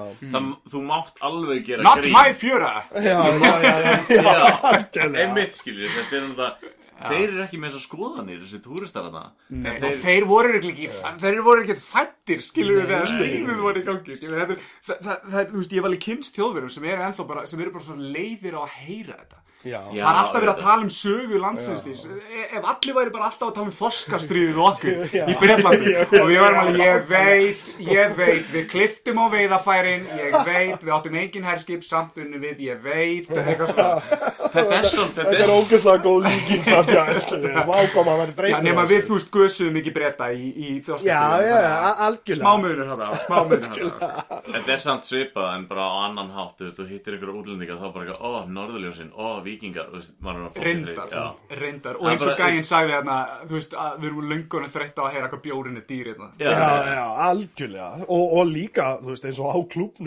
veist, við erum oft bara að keppast við norðurljós á vetunar Já, auðvitað. á vetunar, það, þú veist, ég náttúrulega var ekki með í vetur en ég verið hana þegar eru fáir og svona, þú veist, ég var náttúrulega, ég er búin að vera aðdáðandi Golden Gang Comedy sem er grúpan, sko. Þeir, já, fyrir að Golden Gang Comedy er ekki líka hérna My Voices Have Tourette Já, já, það er í raun og veru, það er raun og veru sami partur, en Já, það er ok. fólk sem er með túrnets og alls konar svona enginni Ok, ég- og. Geðveikt sjó. Ég, ég, sé það svolítið auðvitað núna er ég búin að vera að sjá Golden Gang. Þeir eru náttúrulega að promóta sig svolítið Algjörlega, Já, já. algjörlega, og, en, að- og þá, þeir, þá voru þeir bara í vetur og svona, að þá voru þeir að keppast við norðurljósin. Mm. bara fyrir mætingu í salnum Já, mæti ekki í salnum, Já. þú veist, það er bara, þú veist, þú, þú veist, þeir þurftu bara að vera að líta út bara eitthvað, yes, það er skýja í kvöld. Þannig að fólk er að fara að koma. Helvítis norðurljósin þú veist, þetta, þetta er svo skríti en eins og, þú veist, í kvöld þegar þið komið þá er bara stútfullur salur á Íslendingum já, sko. já. Þú veist, ég, hef, ég hef aldrei lent í því sko. aldrei lent í því Árið, ég held að sé það bara að það búið að vera ómikil hiti í dag að fólk hérna held að myndi sleppa að hita að fara onni í kjallara en það var, þetta var svo Já, það verður, það verður eins og gupa en, en, en það er líka, það var sko þú veist, þetta er venjulega ekki svona heitt hann inni en það var sjó á undan sjóinu Já, það var, þú veist, þannig að ok. það var búið að vera lokað í tvo klukkutíma áður en við byrjuðum síðan, þú já, já. veist, það var alveg en við höfum alveg lent í þessu, þegar er svona stútfullt hús þá verður ógislega heitt hana, sko. Ég er bara, ég var mjög ánægð með það Það er síðustu tvö skipti sem ég farið í kjallara í skemmtun Þá hefur verið ammali eða nokkur ammali gangi og það hefur verið að kveikja á kertum og stjórnuljósum sem er bara þetta litla súrefni sem er eftir í kjallaranum það er bara verið að brenna það upp. Það er bara ekki svo ánægður. Að ég gæti alltaf að anda þótt að vera heitandinni Þetta er líka svo, svo emma bara, maður nýtu svo mikið að vera hann, þetta er svo góðir gaurar, þetta er svo góðir uppistandara eins og við sáum Dan Sering og, og, og, og Jonathan Duffy. Já, hann er nú búin að vera svolítið Já, hann er múin að vera lengi góður vinnur já. Uleiks og svona. Já. En shit, hvað hann finnir, snjólug líka. Snjólug er bara með finnustu konum og bara upp, grínustum yfir höfu sem ég hef fucking séð, sko. Það, er það, já, ég er, Það er er líka, gellan. já, já, já, ég er mjög ánægður með þetta kvöld og við líka, hérna, ég heyrði svolítið á Bjarna þegar við komum út og hann spurði bara, er þetta svona hvert einasta kvöld? Ég heyrði á Bjarna þar sem hann var að hugsa og var bara eitthvað, akkur, akkur Já, alg, algjörlega, þú veist, út af því að út af því að það myndast líka bara einhvern veginn ég, mér leið bara strax eins og part af fjölskyldinu eftir þriðja skipti mitt í, í hana, að, að fara upp á svið. Já, þú veist, þá var bara, bara orðin eins og partur af fjölskyldinu allir geðveik stuðnismiklir að sína þú veist, benda mann á, en ef þú gerir þetta svona en ef þú gerir þetta svona, þú veist, að reyna að hjálpa manni að reyna að skapa sem besta efnið já, bara sem strax, skilur þú veist, og, og það er svo gott þegar þetta byrja út af því að þegar þetta byrja þá heldur þú að þú þurfi bara að fara upp á svið og vera að fyndin þú veist, og það, þú veist sem er algjörlega partur að því en það sem ég segi kannski sem er ókvæslega að fyndi á milli okkar þryggja að sitja í samræðum já er kannski ekkit fyndið upp á svið Nei, allt öðru í sér stemmari og Allt- tímasetningar og, Já, allt öðru í sér stemming og svona, þú veist, og, Mm. og síðan er náttúrulega, þú kemst upp með sumt, sumt kemst ekki upp með. Já. þú veist, eins og ég var að segja ykkur frá sögunni sem, uh, ég, þú veist, og málið er það að, að ég persónlega vildi ekki særa tilfinningin eins annars. Nei, nei. Þannig, að- þannig að það, ég tek En bara hvort alveg- var það þá sjómaðurinn eða, eða strá, eða, eða þú veist stelpan sem var, eða þú veist ok, það er, núna er ég að reyna nú er ég eiginlega smittaður af smá pjessi hérna, ekki frá því. en þú veist, hvert varst ekki að reyna að móðga þetta? Skilur þá bara transheiminn e, og er þá, er þá hérna, tælenski, tælenska uh, hóran, er hún hluti af skilur transheiminum Já, er að já en, en sko líka bara vændiskonum yfir höfuð. Já, eða væri væntiskonur inn að hlusta Já, já. þannig ég er móðg Já, lí- lí- ég leggst ekki svona lág Já, Ég ber virðingu fyrir mér í mínu starfi. Og það, það er samt bara akkurát Ég er að þannig. totta leigubílstjóra, sorry. Ok, ég, þurfti smá til að klára þetta Ok, En, en ég er að segja, ég alveg það langt gengi með það að, að það er ekki endilega bara trans, þú veist, fyrir auðvitað það, ég á fullt af transvinum og, og svona, og, og pælum lítið í þessu þannig laga, sko. þetta er, ok, ertu þetta búin að breyta þér þetta og er geggjað, kallaði þetta, ok, frábært, skilur þú veist, þú veist ekki að minna mig á það tvísvar. Þetta er bara manneskja og ég var bara að taka tillit til hennar, alveg svo ég veit að það stýri til mín. Já, Eða honum, því, eh, nei, segjum, hvað segir maður með við hán? við þurfum að blípa þetta allt út Við þurfum að blípa þetta allt út, sko. Já ekki því, því Nei. við, við köttum bara það sem okkur líkar ekki við. Höfum En, er en hán, Há, Há- ég, Ég- kann ekki á ég- þetta. já. ekki Já, það er nefnilega málið út af því að, að enginn okkur er ís, eða þú veist, er tengdur þessu, enginn okkur er trans og eitthvað svona. Og þess vegna, er, þess vegna skilja ég mitt aldrei, þú veist, þetta kemur okkur ekkit við, eina sem við eigum að gera er það því að þau segja að þetta er það sem við viljum, Já. er að segja ok, minnstamál mm. það er, það var ekkit að vera erfið, þetta er alveg svo ég myndi að ef, ef, ef, ef eina myndi alltaf kalla það hún hún, hún og, og þú veist, og þetta er kannski fyndið tvöðskipti og síðan enda kvöldsins hættu bara eitthvað fucking einar, hætti að kalla, kalla mig hún. Nei, ég, seg, ég segi þetta bara oft veinar út af alls konar hlutum sko. Þetta er- Þú veist, ekki bara einhverju svo sko, e, e, svona blandar pínu á að það sé eins og þegar fólk kalla mig einsa sko. Það er fyndið fyrstu tvö skipti já, Ég heit en- ekki einsi, ég er ekki einsi. Nei. vilt vera bara kallaðar einar Ég er bara, ég er, er einar. Algjörlega En það er náttúrulega hérna, stuðmenn eðlögu líf mitt. Hérna, sem þið það Einsi kaldi. Einsi kaldi. Já, já, já. Já, já, já. En, en, Þetta er bara titillinn Stuðmenn eðlögu líf mitt.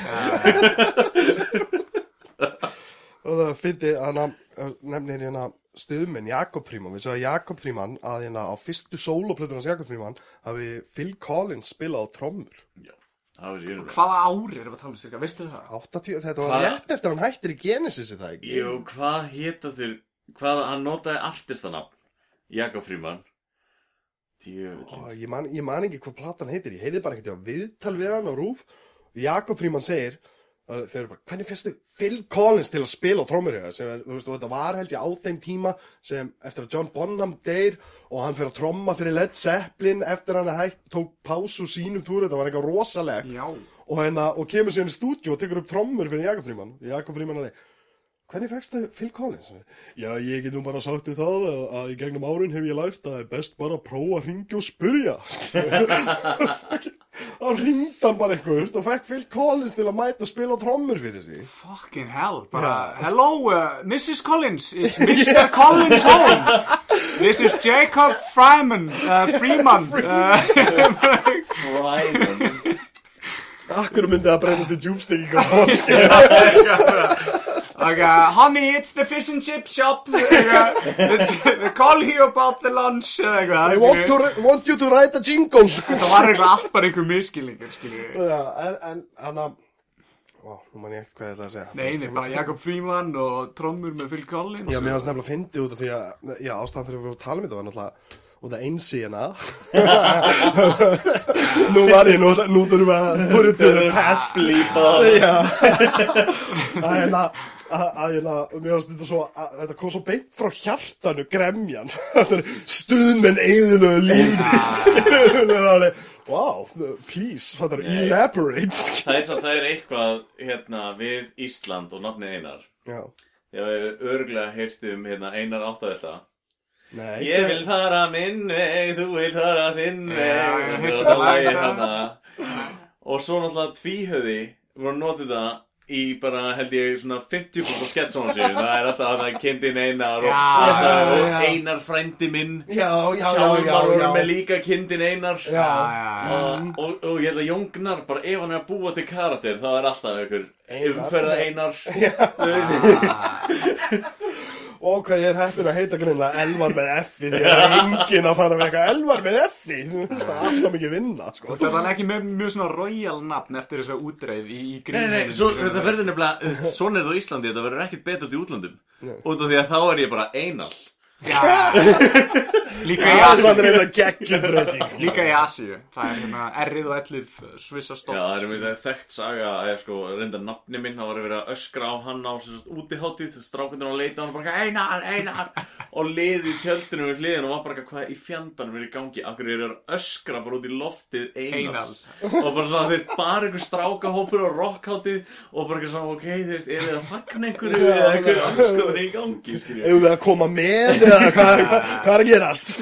Það er ég að smyrja eitthvað á þenni fyrir út í þáttinu En hérna, ég ætla að segja við í samfættið þáttiðin Það er rosalega gott jafnvægi í þættininu sem að ég meina það, veist, þú ferð alveg alvarlega djúpanótur Já, já. þú ert mjög léttur í djóki og hérna og, en samt ekkert svona, þetta verður aldrei þungt. Það er, ég er, bara, ég er búin að vera að horfa á þetta og eða, hlusta á þetta meira, ég er náttúrulega ég þurfti að reka mig á það að ég fann ekki þátt í vídeo og Já, já.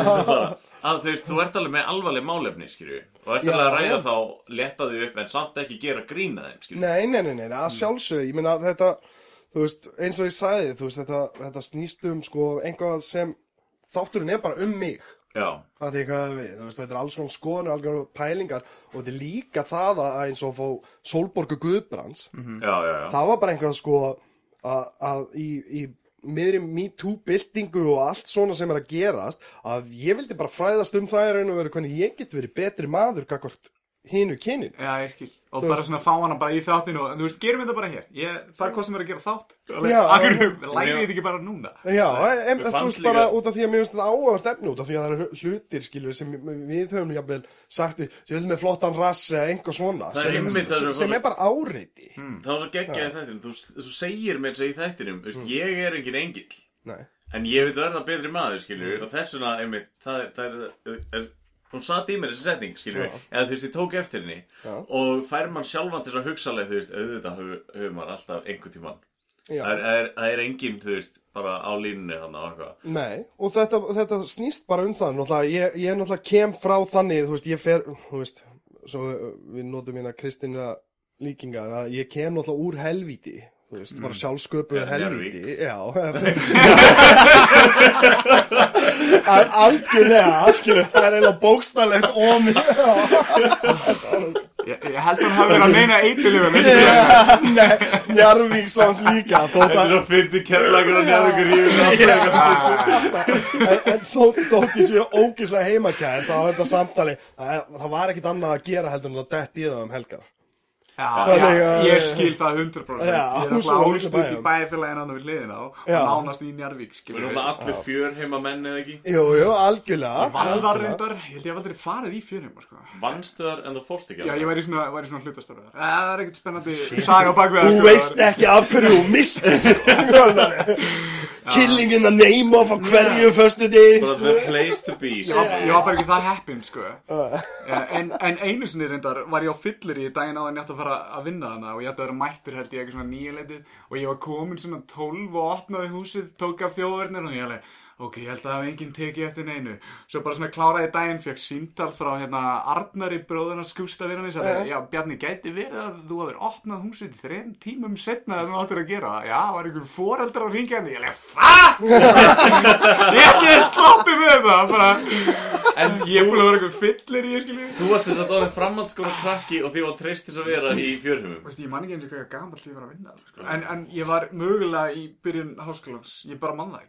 ég man að eftir þér Ölar úr Njárvík, úr fjörhumum uh, Ég myndi segja að þú væri með stærsta bros Njárvíkinga Já, takk ekki alveg fyrir það. Þetta er, er, er, er, stórt og fallegt bros sko. Þetta er alveg Þetta er hérna, hvað það maður segja svona andlits, hérna, það sem maður tekur eftir, skilju Já, já, já, algjörlega, jóker brosið. Já, já, Já, oft verið kendur við jókerinn, sko. Er það að tala með við meðal tennur í Njarnvík eða eitthvað svona, þú veist hvað það eru flestir í Njárvík ekki með tennur lengur. Nei,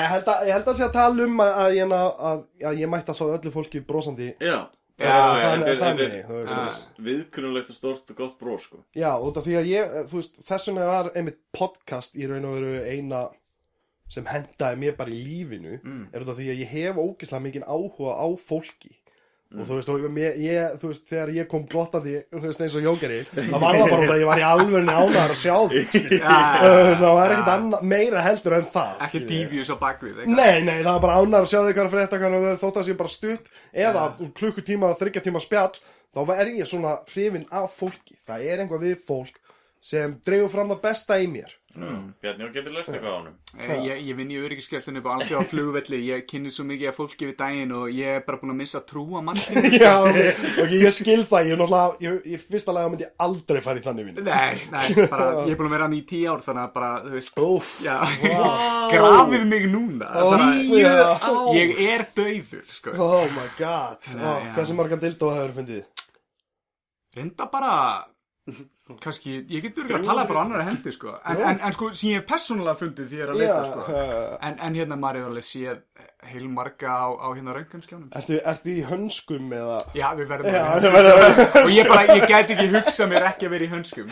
Af því ég gleymi því aldrei að fyrsta sumari sem ég var að vinna þarna þá var ég ekki í hönskum. Nei. Ég, Já, ég held að þetta sé þetta er meir, Bú- bú- þetta er svona tíu ár síðan þetta er meir en tíu ár síðan. Þá var ég mitt ekki í hönskum og, og var að leita í tösku hjá einhverju gæja. Og þú veist, það var ekki fyrir ég var búin að róta svona helmingin á dótinu að ég komst að þetta voru skítuði nærbrusuna og, og ég, ég, þú veist, fór að það var að leita að einhverju og, og svo bara var sú vinna búin, skilju, og ég var búin að gera það sem ég þurfti að gera. Það var ekki fyrir en ég var að keira úr vinnunni, svona tveim, þreim tímum setna, að ég bara kúaðist, þú veist, að leggja út í kant og ég ældi, ég ældi ángríns. Ég veit þetta hljómar eins og fárald að þetta er þreim tímum setna, en lyktin var bara búin að sitja að því að ég fann ekki lyktina fyrir en ég var búin með svona helmingin á töskunni, skilju. Þannig að, já, þannig að eftir það var ég alltaf í hönskum. Ég verð að spyrja, þegar var að putta honum á það Nei, Það var ekki svona eins og þú búin að klóra þér í rassinum veistu, ég man það reyndar ekki, en öryglega ekki, en öryglega ekki, en takk fyrir pælinguna.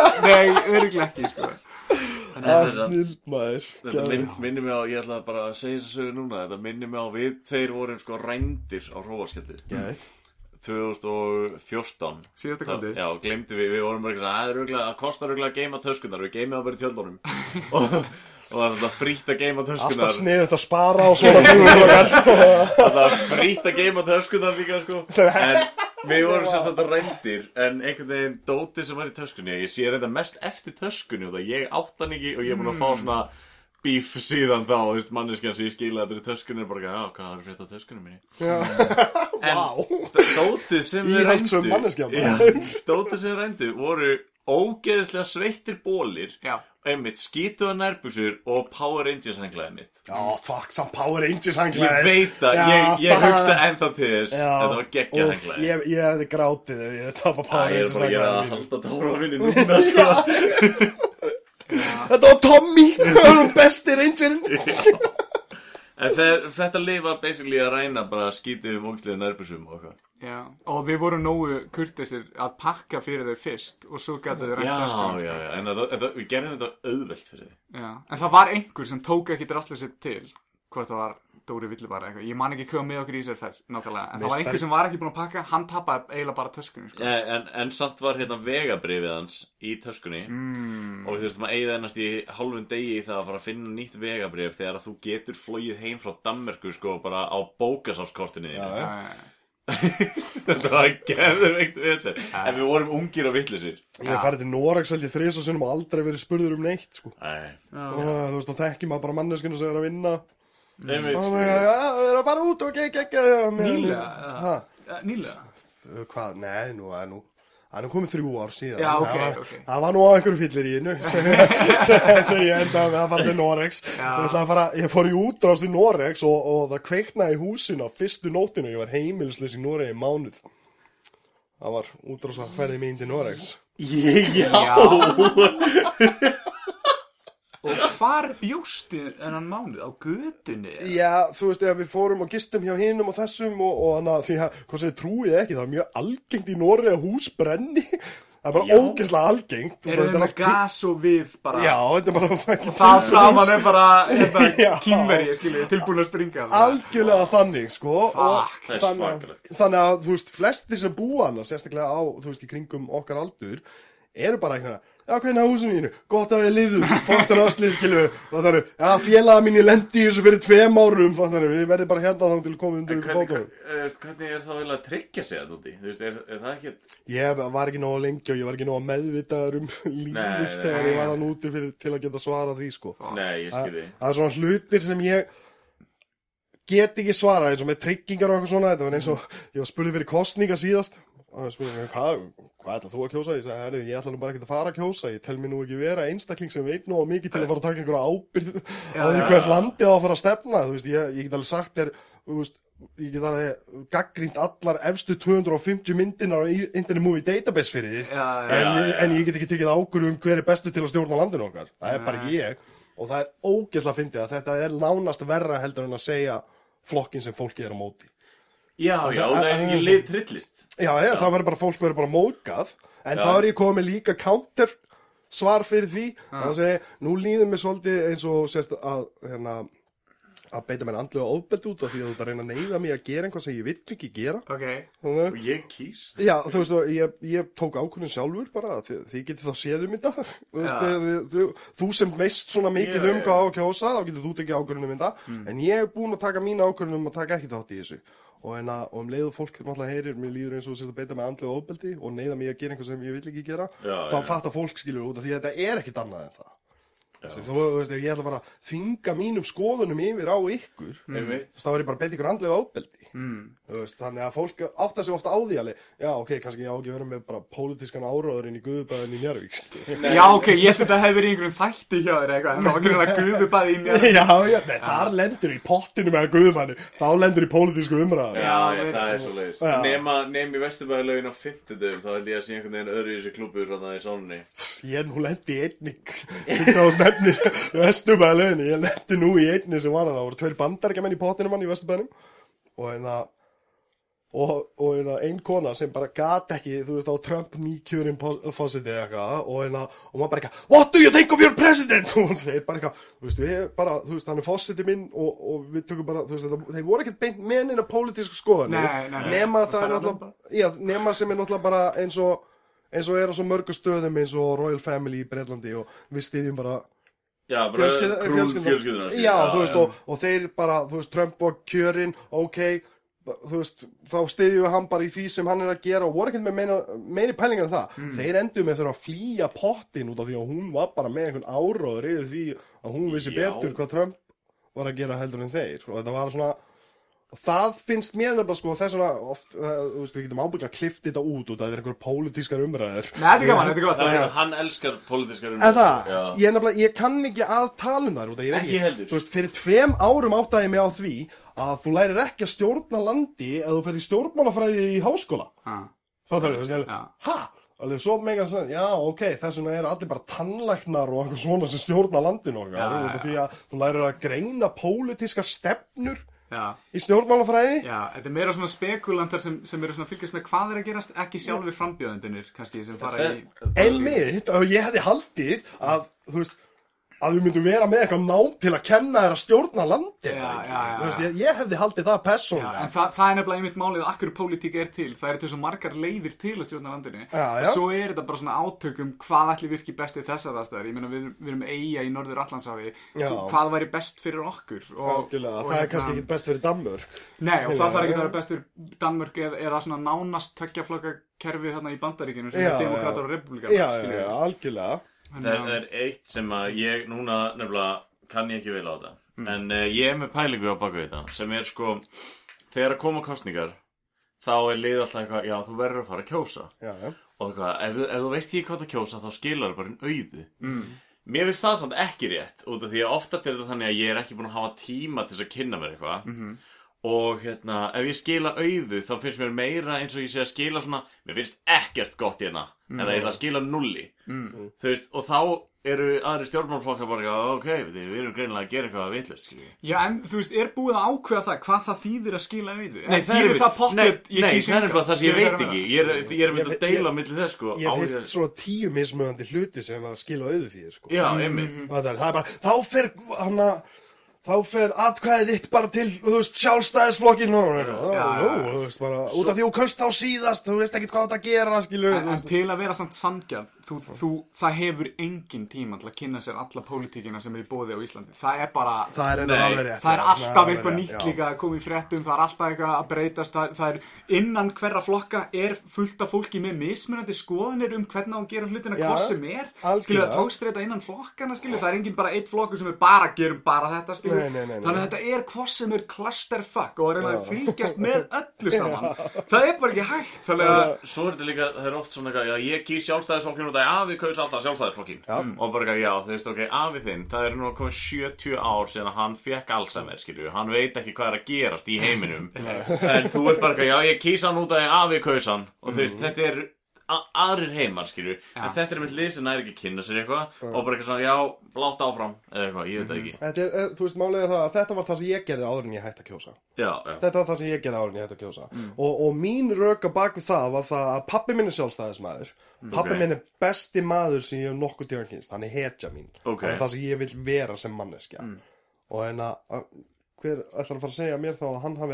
sem mér mm. Skiljið mig Það er Þannig að- allt í lagi rauk, sko. Já, En er hann, veist, veistu til þess að hann er alveg búin að kynna sér þetta, skilu, þú veist, veistu að hann er mikið að fylgjast með pólitíkinni, eða er hann bara svona, eh, ég er bara í klubnum, Nei, þetta var, Skilurðu? þú veist, hann kannski gerði það meira áður fyrir heldur en heldur en í, í í seinni tíðum, Já, já, sko, já. og en, að, en ég veit það að hann, þú veist, er meðvitaður sjálfstæðis maður, Já. þú veist, hann var það allan yngri árum, ég held að hann sé, þú veist, minn eins og hann útskýri fyrir mér þegar að, þú veist, allt fyrir ruggli og eitthvað svona, náttúrulega að það er alltaf einhver slæm egg Já, já. í bakanum, það skiptir ekki máli hvort það sé þarna eða vinstri eða hvað sem það er, Já, sko, já, já. Og, en, að, og hann segir að það er það sem hann trúir á sem frelsi er það sem þeir allan upprunlega lögðu upp með.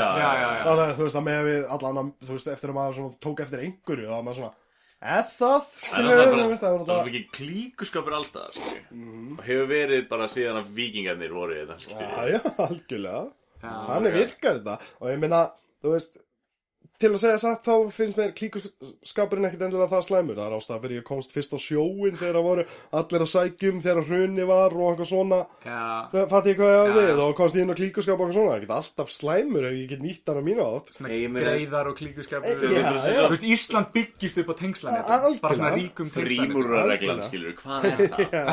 Já, ég, ég samt held að það sé í alvörinni bara einhverju gaurar sem eitthvað, já, nú þurfum við að safna það vantar svona vél á, á líknadeild í Reykjavíksmyndana og við, góðgerðar- já, ég held að þetta sé miklu meira þannig heldur en að fólk eitthvað stjórna landinu. Sem er samt einmitt það sem þeir vilja að þú haldir um þá.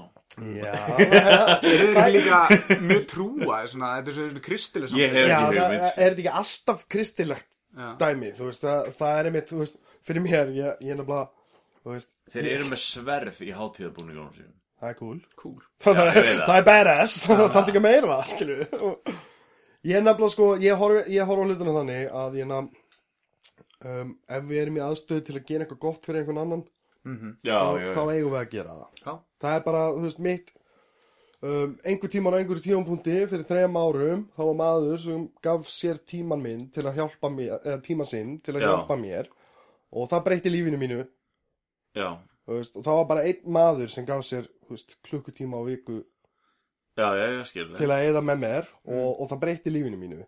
Að mér finnst ef við værum öll myndum meira að lifa eftir því uh, hvað er í hag okkar allra heldur en hvað er endilega í hag minns Já, og það því að þú veist, sem, er, sem er kannski erfitt að segja þegar þú er með konu og börn og, og þú er með Skuldir já, og- skuldir og alls konar svona hluti. já en ég er að segja eitthvað strákar ég hef þjenað 2 miljónur á mánu og, og ekki brosað alla mánuðin sem ég Já, já, já Það er hvað við, er Já. það í raun og veru hamingja, skilur þú veist, hvernig líður fjölskyldunni inni, þú veist, þetta er, þetta er, um,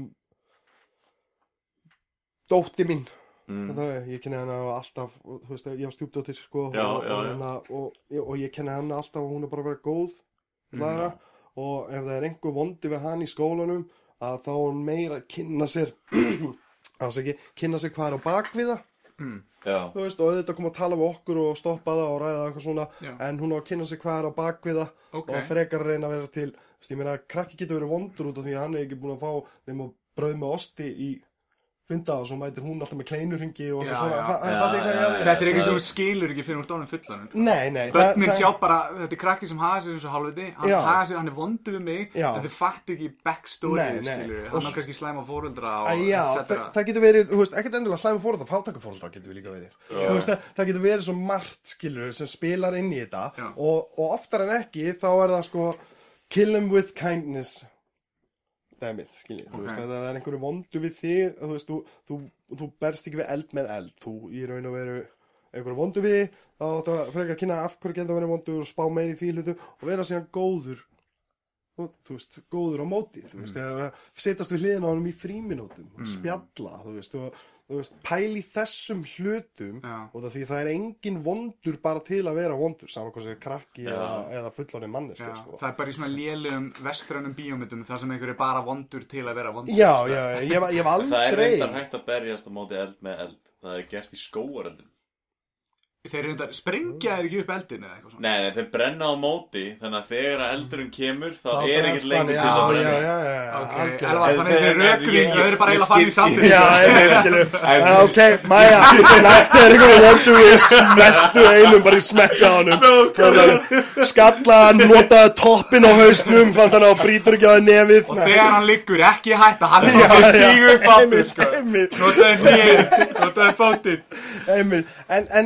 og, eins og, þú veist, maður er samt, ég þarf alveg að vera meðvitaður um það að þetta er svolítið drauma scenario líka. Já, já Það er hvað við, þótt að ég hugsa svona og, og ég er búin að þurfa að brenna mig bara nógu oft sjálfur til að átta mig á því að það gerir engin mér neitt nema úr sjálfsæskum tilgangi. Já, Það var engin sem vaknaði á morgun og sagði, nú ætla ég að vera vondu við elvar. Nei, Það er hvað við. það væri samt ógeðslega sikk ef einhver væri bara Já, þannig, það er, þetta. það er engin þannig. Ertu ekki komið þannig fans ennþá á podcastið það? Á podcastið? Það er bara upp sem bara Sem er, sem er að drull yfir og svona. Nei, við fengum hann einhver nokkuð komment sem að þú last upp ha, já, já. já, það var náttúrulega alvöru Það var reyndar skilaboð. pappi bara í dag hvað hva, hva var það? Komið Ég með reyndar ekki Þú varst að ræða hérna að fóreldrar þínir komið með kaff og kleinur og eitthvað Ha. Og hérna Ég held Pappi að kom ég, eitthvað pappa brandara ég pappi kom með pappa bara þar einn dag en ég lendi líka einn dag, ég var eitthvað geðveg stressað og flýta mér eitthvað og svo hvað það að gera? Já, ég er að fara að taka upp þátt Hvað er, hvað, sérstakur þáttur eða?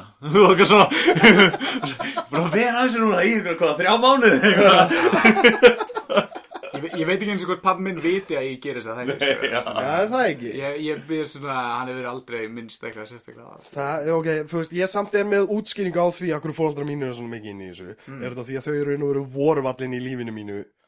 Já, Mörg þau voru alltaf þar en það var bara harmleikur og greið mamma svaf ekkit í mörg ár og eitthvað svona. Já. að, að, að fyrir mér þá finnst mér bara gott að koma til þeirra og ræða við það og segja nákvæmlega allt sem ég er að gera í mínu lífi. Já, já.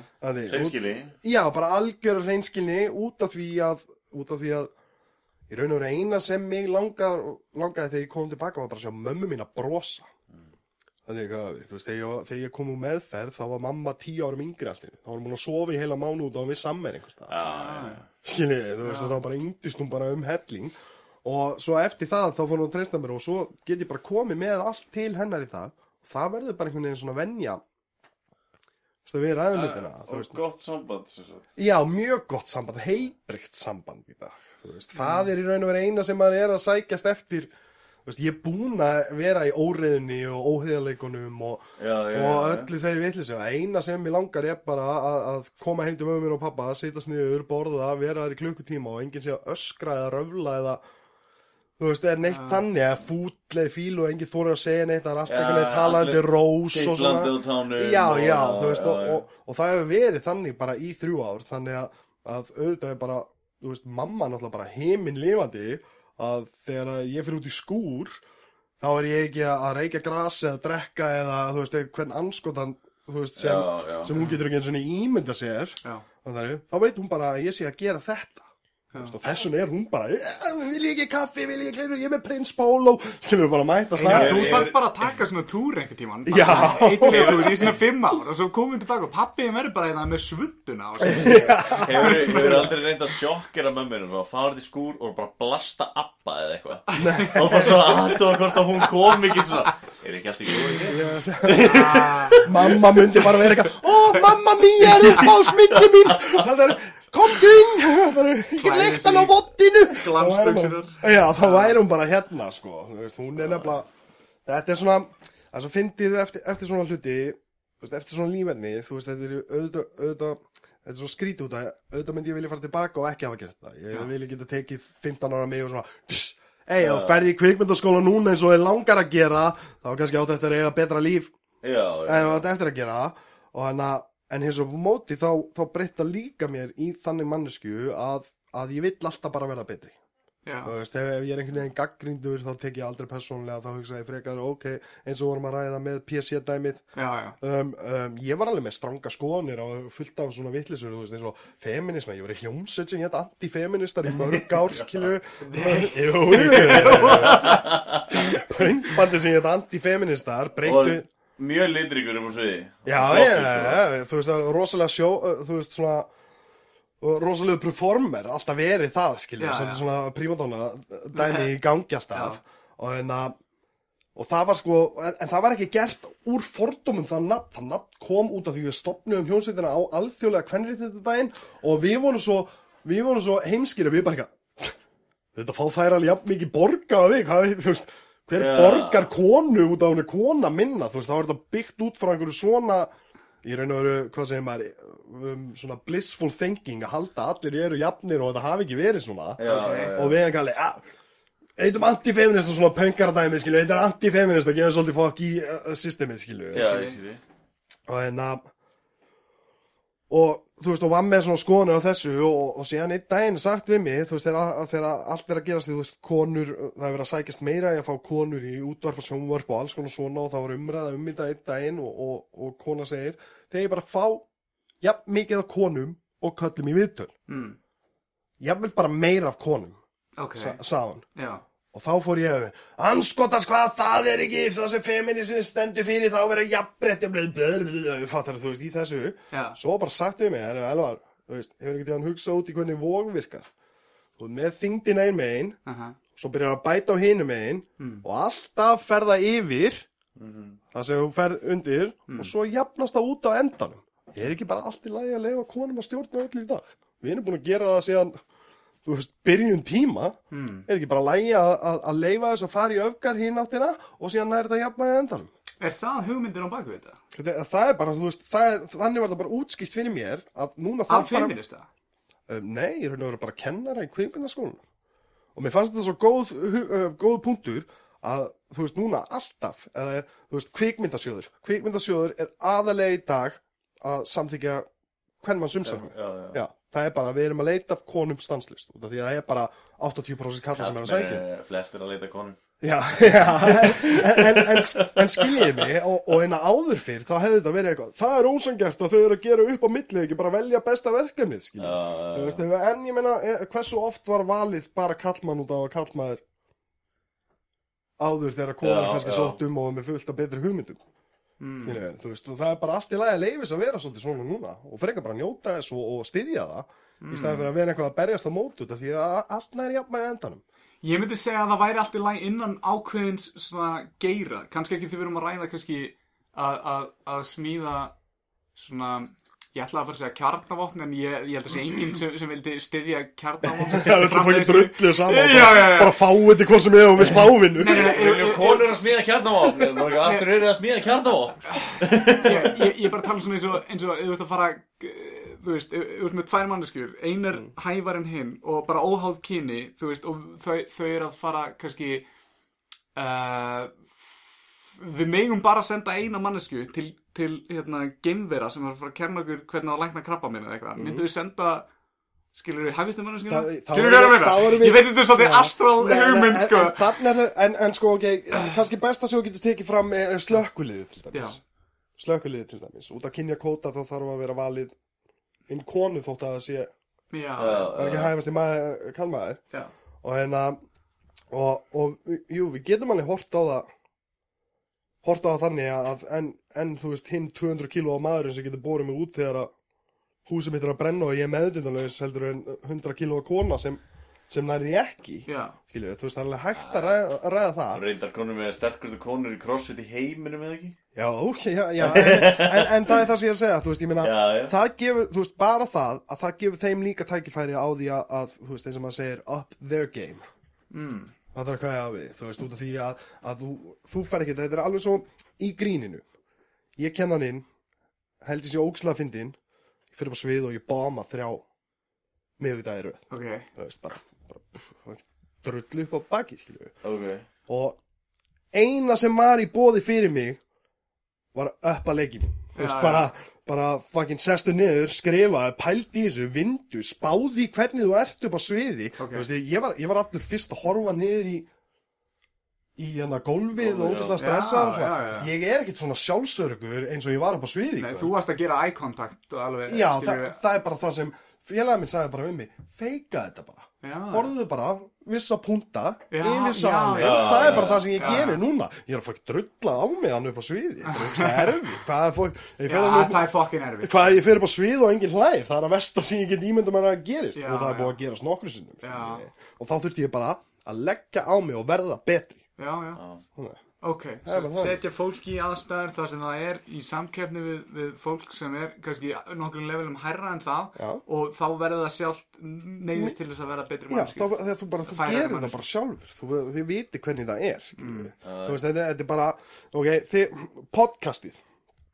Tökum podcastið, Mm. til dæmis þið eru stanslust að hugsa Það ég sé það sökkar Ég ég, ég, ég, er búin að sjá það og að hlusta á þættina frá því í byrjun að það er alltaf meira og meiri metnaðar í að gera betur og betur í hvernig þætti hjá ykkur. betra hljóð, uh, Já, fleiri gestir algjörlega. Þú veist að það er bara, Klippa promo klippa og, promo og það er bara út af því að ef þið farið inn á Apple Podcast og hlusta á Greenland eða hlusti síðan á, á hérna, Joe Rogan eða hvernig já. það er, þá er þið bara tjöl, er þið fucking góð í því sem þið eru að gera. Og mér langar að ná sjálfu mér upp á standard þar sem mér líður vel með það sem Ég ég, er að gera. ég skilji já. Það er, Já, Bjarni, við, Bjar- við erum með að gera þetta sko. hérna, Bjarni er að setja mér svolítið mikla standarda. Já. Ég er búinn að uh, bomma nokkru sinnum. Uh, hérna, Samdi Stef uh, sem ég samdi ekkert sko. og Bjarni var ekki nógu sáttur með það Já, sko, það var bara svona gegn minni hugmyndafræði af því, af því ég vil að allt sem við setjum fram sé Mm. original content. Það er tónlist, myndir textar uh, all, all, all, allt skitt og sketsjar sem við En við gerum erum þetta ekki búin að gera alla texta Við lesum Algjörlega. nóg text eftir aðra Já, en þá erum við actually að vitna í þetta er eftir, skiljum við ekki Já, annað við, erum- við erum actually, verkefnið er að ræða þá texta sérstaklega, Já, skiljum ég skilji. en, en við, erum- við erum, og eins og til dæmis introlega okkar, það er bara karaoke-lag, skiljum Já, já. það er ekki actual, þú veist, lagið þannig sumarnótt eða sumarkvöld eða hvað sem það er. Þetta er reynda já. tekið upp á fiskideginum á Dalvík í bakari Brilliant sko. En já, eða, þú veist, ég, þú veist við, við þurfum ekki endilega að gera það, En ég er bara með ógæslan bónir fyrir því að búa til allt sjálfur Gera allt sjálfur, þóttu séu lélegar myndir Þóttu séu léleg tónlist Bara að gera það sjálfur Þetta er samt sko, þetta, þú, þú, þetta er nákvæmlega það sem ég var að segja þetta, Þú veist akkurat að bara vinni það að þið farið út í þetta Þetta er fullt af öðrum hlutum mm. En þú vilt gera þetta svona og þú vilt gera þetta vel svona Já. og verða bestur í því eins góður í raun og veru og þú mögulega getur verið Sem í betri í dag en í gær. Við Já, já, það, við það. algjörlega. Þannig að- og þannig eigum við bara öll þú veist, og vá, mér finnst ég stundum vera predik og vera að fara rosa Halleluja! Það er við varum að ræða þetta í dag. Þú veist, fyrsta skiptir ég fór út að hlaupa og held ég myndi fokkin deyja. Það er búin að fara út að hlaupa núna og ég er, þú veist, ég er alltaf með svona tracker úr. Já. og ég er alltaf að bæ, beturbæða mig, beturbæða mig, beturbæða mig. Það er bara það að ég gerir þetta ofta, og ég ætla alltaf meira að sjálfa mér Ef þú myndir þurfa að lýsa þér í þreymur orðum alvar Ég myndi þurfa að lýsa sjálfum minni í þreymar orðin Já, Shit, það, um, kærleiksríkur. Um, uh, Kærleiksríkur um, Ég ætla að segja umbyrðalindi Það er í raun og veru myndi fjalla, flokkast indi kærleiksríkur já, já, Fyndin já um, það er Hress, þú veist, ég ætla að hugsa um tvo hluti sem þýða það sama þegar ég segir þetta Hress og fyndin er í raun og veru sami hluturinn. Uh, Fyndin og uh, metnaðafullur Ég ætla að bæta tveimur orðum að við sem er hérna svona kvikmynda buff svona fanatic skilur Algjörlega. Og faðir. Já, algjörlega, bara Ja, algjörlega maður, ég, ég finn mjög sterkar tilfinningu fyrir því að þú ert rosalega stoltur á því að vera faðir, stjúpfaðir, hvernig sem þú vilt nefna en þú, þetta, ég finn mjög mikið fyrir Algjörlega, ég meina, ég, ég kalla það bara að vera, að vera faðir. Þú veist, ég, þú veist, þetta stjúpdæmi, þetta, þetta skipti mig engu máli, geni mín í raun og veru skipti mig engu máli, það er tilfinningi sem ég hef fyrir barninu og, Þú ert í foreldra hlutverkinu Já, algjörlega og ég elska það, þú veist, það er alveg bara hluti á því að mér tekst að halda í sjálfum mér að, að vilja lifa lífinu mínu og vera betri maður, alltaf, skilju, þú veist, ég veit að hún geti litið á mig í framtíðinni og sagt, stjúpað minn, þetta er pappi minn, hann er ógæslega Já, góður já, maður, þú veist, að, þú veist að, að hún sjái, þú veist, hún veit að ég fer á fundi og svona, ég má reyndar ekki tala um þá en það er tólspóra fundir, þannig að að ég fer á fundi og svona, og hún veit að það er út af því að það hjálpa mér og ég er að hjálpa öðrum, Já, skiljið, þú veist, og það er, þú veist, þannig vill ég að, að barni horfa á mig út af því að, út af því að ég vill vera, þú veist, ég, ég reiki og ég fucking döð skammast mín í hvert einasta skipti sem ég fer út á svalir og hún er heima þegar ég fer að fæ mig sígarettu. Já, Það er svona, er ég með nefntóbak með mér út af því að hún meðtekur það ekki eins mikið og, og reyningarnar og þegar hún er í kringum mig þá er ég bara oftast með lummu. Þú vilt setja inn í gott fordæmi Já, al Já. algjörlega. þú veist, að vera gott föður hlutverk hérna, sko. Já, algjörlega og það, þetta er það, sko, ég held að kvikmyndagerð og allt það væri það besta sem hefur komið fyrir mig en þessi manneski er það besta sem hefur komið fyrir lífið mitt þú veist, eins og, heyrið, þú veist, það var að gefa of mikið en bytti mitt í byrjun þannig að eh, í Hitlerbitinu Já. Já, þú veist, það náttúrulega byrjar og, og það, það liggur svolítið allt byttið á því að ég nái ykkur með mér í það hvað ég elska barnið mitt ógeðslega já, já, mikið skiljaði, þú veist, og, og þess vegna virka setni hlutin svona ógeðslega vel Já, já, já. er út af því að það er allir þú veist, það er allir bara eitthvað Mr. Miyagi drikkið, þú veist, og allt þetta. Er allir bara eitthvað, vá, vá, vá, vá og svo fer ég út í hitt, skilju og þá er það svo ógeðslega fyndið. Já, já. þú veist, út af því að maður, út af því að maður stanslist að vera að hugsa, sko, hvernig áhrif er ég að hafa á barnið. Og, og, og ég get alveg haft slæm áhrif á barnið líka, eins og þú segir kvikmyndaböf. Þú veist ég horfi á mynd á hverju einasta kvöldi þótt að ég komi heim núna eftir klukkan fjögur Já. þú veist, þótt að við erum búin að vera þetta það er er náttúrulega komið tíu tíma núna Komin. Já, Byrjum á þú veist, það skiptir ekki máli. Ég fer heim og ég horfa á mynd. Já. Já, ég skilji þú veist, halva mynd, einhvað þú veist, ég, ég horfa á einhvað þú veist, er er bara life passion hana, skilju algjörlega.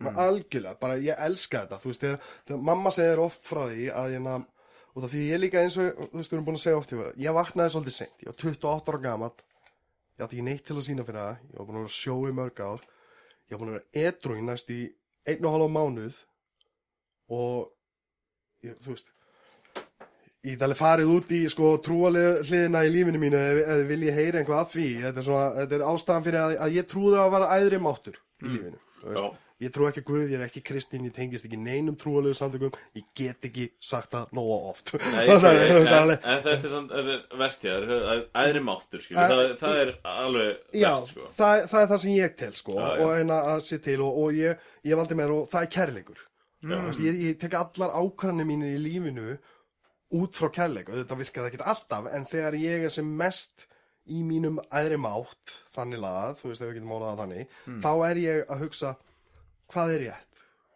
Hvað er, hvað er kærleik ríkasta ákvörðun sem ég get tekið, Hmm. þú veist, einhvað út frá sjálf, ekki frá sjálfselskunni, skilju, hvað henda mér best, það er, þú veist, ég er í gríni út af því ég elska að sjá aðra hlæja. einhvern veginn Já. gruna með að hann ætla að vera heima þessu núna að horfa á bíómynd en að því þú baðst henni um að koma þá bara, já, ég skal koma á miðnætti og, og tala við ykkur strákar, bara eftir þetta. Alveg, "Ah, þetta er að kæðin slíkast það sem ég get gert, ég verð að mæta. Ég, þetta er bara kótið sem ég lifa eftir. En, er en samt, sko- enda sjáu ég samt líka hvað mér finnst gaman.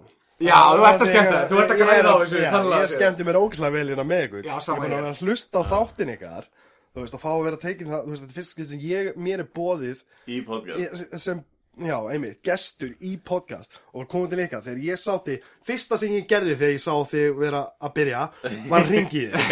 Já, já, það var ekki að fyndi ég, Þú sendir á mig bara eitthvað, hei, þetta er betra að gera þetta, betra að gera þetta Ég var eitthvað svona, ha, ekki alveg að skilja þetta? Þú bara eitthvað, hvað er númerið hér, maður ekki ringi þig? Svo bara bjallaðan og hann bara eitthvað, jæja, ok Let's ég var talk shop.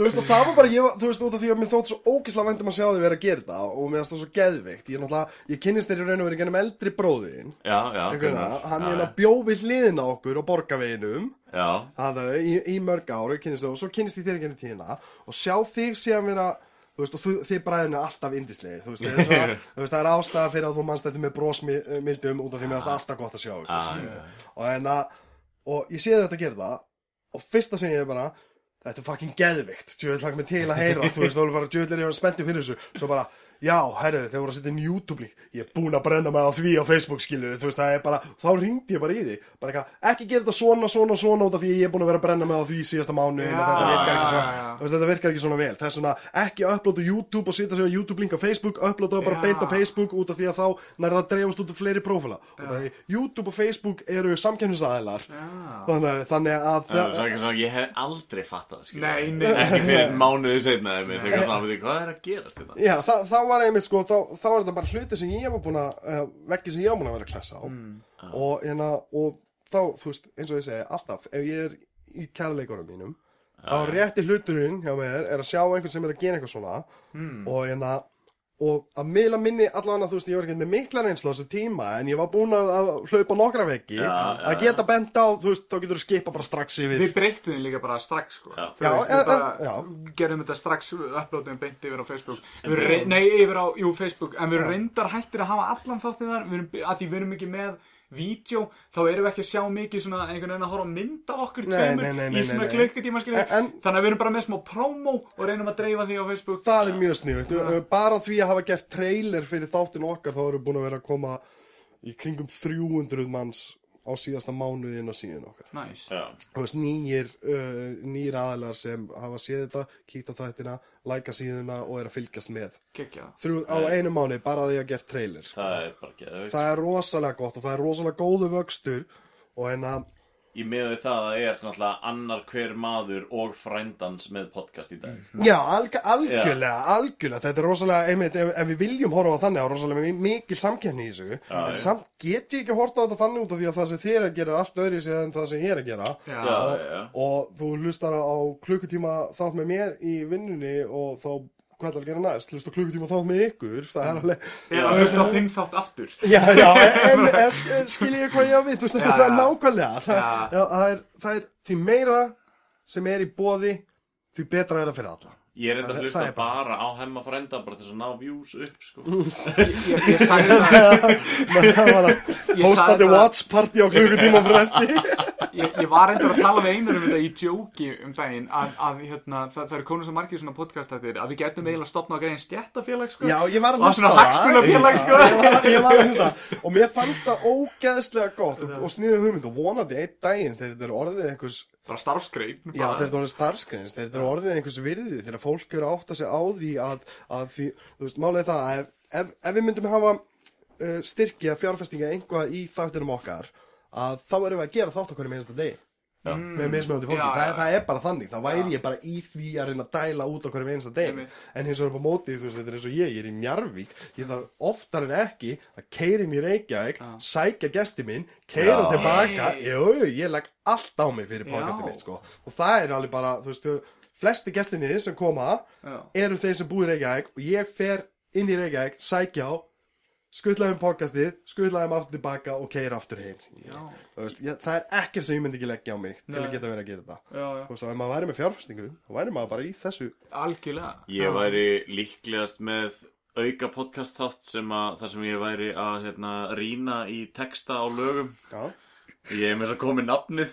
Mér finnst mér furðulegt að þetta nafn sé ekki komið á podcast þú veist, Af hverju er enginn búin að búa til textaðarpið? já, ég var að býða, ég var líka, hvernig kemur. Að Hversu lengi ætlar að fucking byggja þetta Skilur, fóttum við þáttan Nei, ég skal lofa þér á mánudaginn þessi Það verður einhver, Já, Lípa þetta. Mamma henni byrja með hlaða á, mánudaginn þá verður alveg endalus óviska Change their name in the textavarpið. Það er ekki þannig Við erum með helsta texta hugum þjóðarinnar. Já. Hérna, Já, við erum með svona eins og ég segi Við erum með svona ramma af þetta sem við, við erum alltaf að reyna að halda þessu við klukkutíma. Algjörlega. Við erum komið hérna svona 1.20 á spjalli. Þannig að til að kannski svona wrap it up Já. nema var eitthvað meira sem brenda okkur að tala um? Nei, bara þú veist, ég Við erum örgulega eftir að fá því aftur í viðtal út að ég að ræða bíómyndir til það sem ég hef gætli það er að ræða kvikmyndir og, og Við erum það, eftir að sko. ræða alveg kvikmyndaðinnar og bara þína skoðunar kvikmyndum Já. Ég væri til í að fá það nefnilega líka sko. Það er bara eins og ég segi, hvena sem er, þú veist, ég meina 12 á miðnætti, fösti, þú veist, á- átta á morgun á sunnudegi, þá munar einhver fyrir mig. Ok. Það, það, mu- það munar einhver fyrir mig. Ég get lagt hvað sem er á mig til að, sérstaklega að, að fyrir mér að sko að skapa efni. Sérstaklega þegar við búum í heim þar sem ég get fucking tala og það kallast að skapa efni. Þú, veist, það er bara podcast. Já, hvað það að gera? Já, fucking tala og það að skapa efni? Já, kannski einn dag ég mér þess að borga fyrir það svo ég held áfram. Og þannig að það er bara draumurinn minn. Ef ég vil tala um bíómyndir eða hvað sem er þá er ég alltaf til í að koma Ég meira þess að til í að koma og tala um pólitík Við ekki neitt um hana Já. Við tókum pólitíska spjallið í kvöld sem, Já. já. og við Nú við allir hlustendunum okkar hvað við vitum ekki raskat um pólitík Það er ekki það en, en það er það sem þetta snýst út á út af- við, við tókum akkurát ákvörðun um það að, hérna, að þegar fólk fer í endalus óviska þá jú, jú, við erum eftir að fá, við erum að fá Báru Halldórsdóttir ábygglega til okkar sem Já, er Já, úr- ég, vá, ég ætla að spyrja út í það verkefni það, það verður að koma í næsta spjalli með Já, já, já, þú veist, við erum að fá hana til dæmis og, og það mætti nú kannski teljast nokkuð pólitískur Já. þá- þáttur, Já, sko. Mjög pólitíst Já, Bjarni, hann hefur um eitt hérna, verið doppelgengar Báru, hann vann búningavelun sem Bára. Nei, í alvöru það er geðveikt. Ég sendi það á hana, ég man ekki hvað hún sagði, hún sagði eitthvað cool. Nei, hún nei, hún spurði hvar bara- fyrst þessar buksur Já. Ég var í þetta svona crossfit buksur sem ég átti, það er svona rauður eldur á þeim eða græn eldur eða eitthvað og henni fannst þeim, það er greinilega flottar sko. Fokk, þú verður að senda mig myndina þessu Ég var að sjá þetta, þetta er bara algjör snillingur. mm. Ég er ekkert að fá hana út af klaustusmálinu endilega. Ég hafði alveg hugsað áður, sko, alveg, að kannski að vera gaman að fá út af klaustusmálinu. en svo kynnist ég henni og þetta var fucking snillingur og þess vegna langar mig að gera þryggja, tveggja, þryggja tíma þátt bara að ræða við hana um allt og ekkert Það verður mjög áhugaverið þáttur Já. En pluggaðu endla þáttinn, hvað er hægt að finna þig? Já, Hvað er hægt að hafa samband við þig? Ertu á Twitter, Uh, nei, ég hef ekkert verið á Twitter, ég er nú núna svona hægt og, og rólega sjálfur að vinna mig út frá samfélagsmiðlum. Ég raun og verið þegar að síðan og, og Hættur á Tinder. Já, ég er löngu hættur á Tinder Hann er í gulu síðunum í síma, sko. Já, en, en hérna, það er endalus óviska og við erum á Facebook, það er, þú veist, þú getur séð þáttinn sem sagt, vídeoformat af þættinum það, svo erum við inn á Apple Podcast og, og Stitcher, Spotify og, hérna, og ábyggilega eftir að sita inn á, nefnir minn inn á SoundCloud, ég veit það ekki alveg það eins og Jú, jú, jú, því ég, ég hlusta á okkur samflót Já, þú, þeir ég, ég er nefnilega, þú veist, ég sé ekki um þessa hluti. Gimpir sér um Já, það já, já, algjörlega Manstu hérna eins að dóti? Það var fyndið tvis og svo Nú er það bara orðið frekar. En ég na, já, aðalega þar Svo náttúrulega, þú veist, svo er alltaf hægt að hadda mér á Facebook og senda mér uh, posta þar og, og ég hef líka verið með, held ég Ég held að það sé sínt á síðun okkur á Facebook Það er allan að e-maili mitt er elvarat.xxcheck.net Með Eru þið með einhverja heimasíðu líka? eða Er það eitthvað svona bíkjar hjá? Já, það er, það er bara einhver, þú veist Málið það að við erum bara að vinna og sjá hvert þetta fer. Veist, og svo um leið og einmitt, um leið og við erum orðin nóg stórir til að geta fengið inn styrki og geta borgað einhverju til að sjá eða setja upp heimasíðu og eitthvað svona fyrir okkur þú veit, af því að við nennum ekki alveg að vera Squarespace bara eitthvað, þú veist veist, squarespace.com skástrík 10, 8, 11, 12 skástrík Já, enda ég held, óviska, þú veist, ég nenni ekki einhverju svoleiðis, sko, þannig að ég held að þetta endi í sko endalus óviska hemma frænda Við eigum eftir að saminast bara. Já, það undir sama, undir sama leipolnu Já, já, það, já það var náttúrulega einn daginn var geðveikt að, að Það verður bara svona fjölmiðl Já, Það verður það- bara svona fullt af podcast Þetta verður, nei, þetta verður bara live. Allt. Já, það er einmitt, já, þú veist, það, það eru hugmyndir einmitt líka um það að, að, að, að, að það er búið að vera, var verið að kasta kring bara fyrir í dag að gera live podcast út frá Secret Seller einhvern Já. tíðan í framtíðinni, sko, Ok. þar sem ég myndi fá kannski tvo grínista og, og vera með mér og vera með fullan sala fólki. Ok, ok Hljómar Já, Þetta er rosa vinsalt líka hjá podcastinu í dag. Henda í live þátt, sko Já. Já, Svo lengi segir er ekki alltaf mikið svona, svona líkamlega performers já, þá veist. er það gaman, að- já, en síðan er þetta líka bara það, strákar. Þetta er ykkar podcast, þið getur gert hvern anskota sem þið viljið gera við það. Ég er alltaf á tónum. Þið getur bara gert það sem þið viljið gera við það. Ef við viljum breytum stefnu eftir þennan þátt og bara eitthvað fuck gestir, elvar og fucking bladrar enda laust eða, eða hvað sem er, eða fá þú veist Við erum löngu búin að klippa á því núna. Já, já, ná- ná- nákvæmlega nákvæmlega. En, en skiljið hvað við, þá er það bara allt í lagi, Já, þetta er alveg eins og það er sko snildin við þetta Þú sko. veist, við, við miðum alltaf við klukkutíma en þú veist, ef þessi þættir, þáttur er Gestir þá- gestir við, þá er það við, yfir. við gætum alltaf verið með þáttir sem fjóra klukkutíma Þú veist, Já, það, getur ekki banna okkur það algjörlega, það er, þú veist, þetta er, þetta er hlutur eins og við vorum alltaf með þættina okkar í klukktíma Já, fyrst.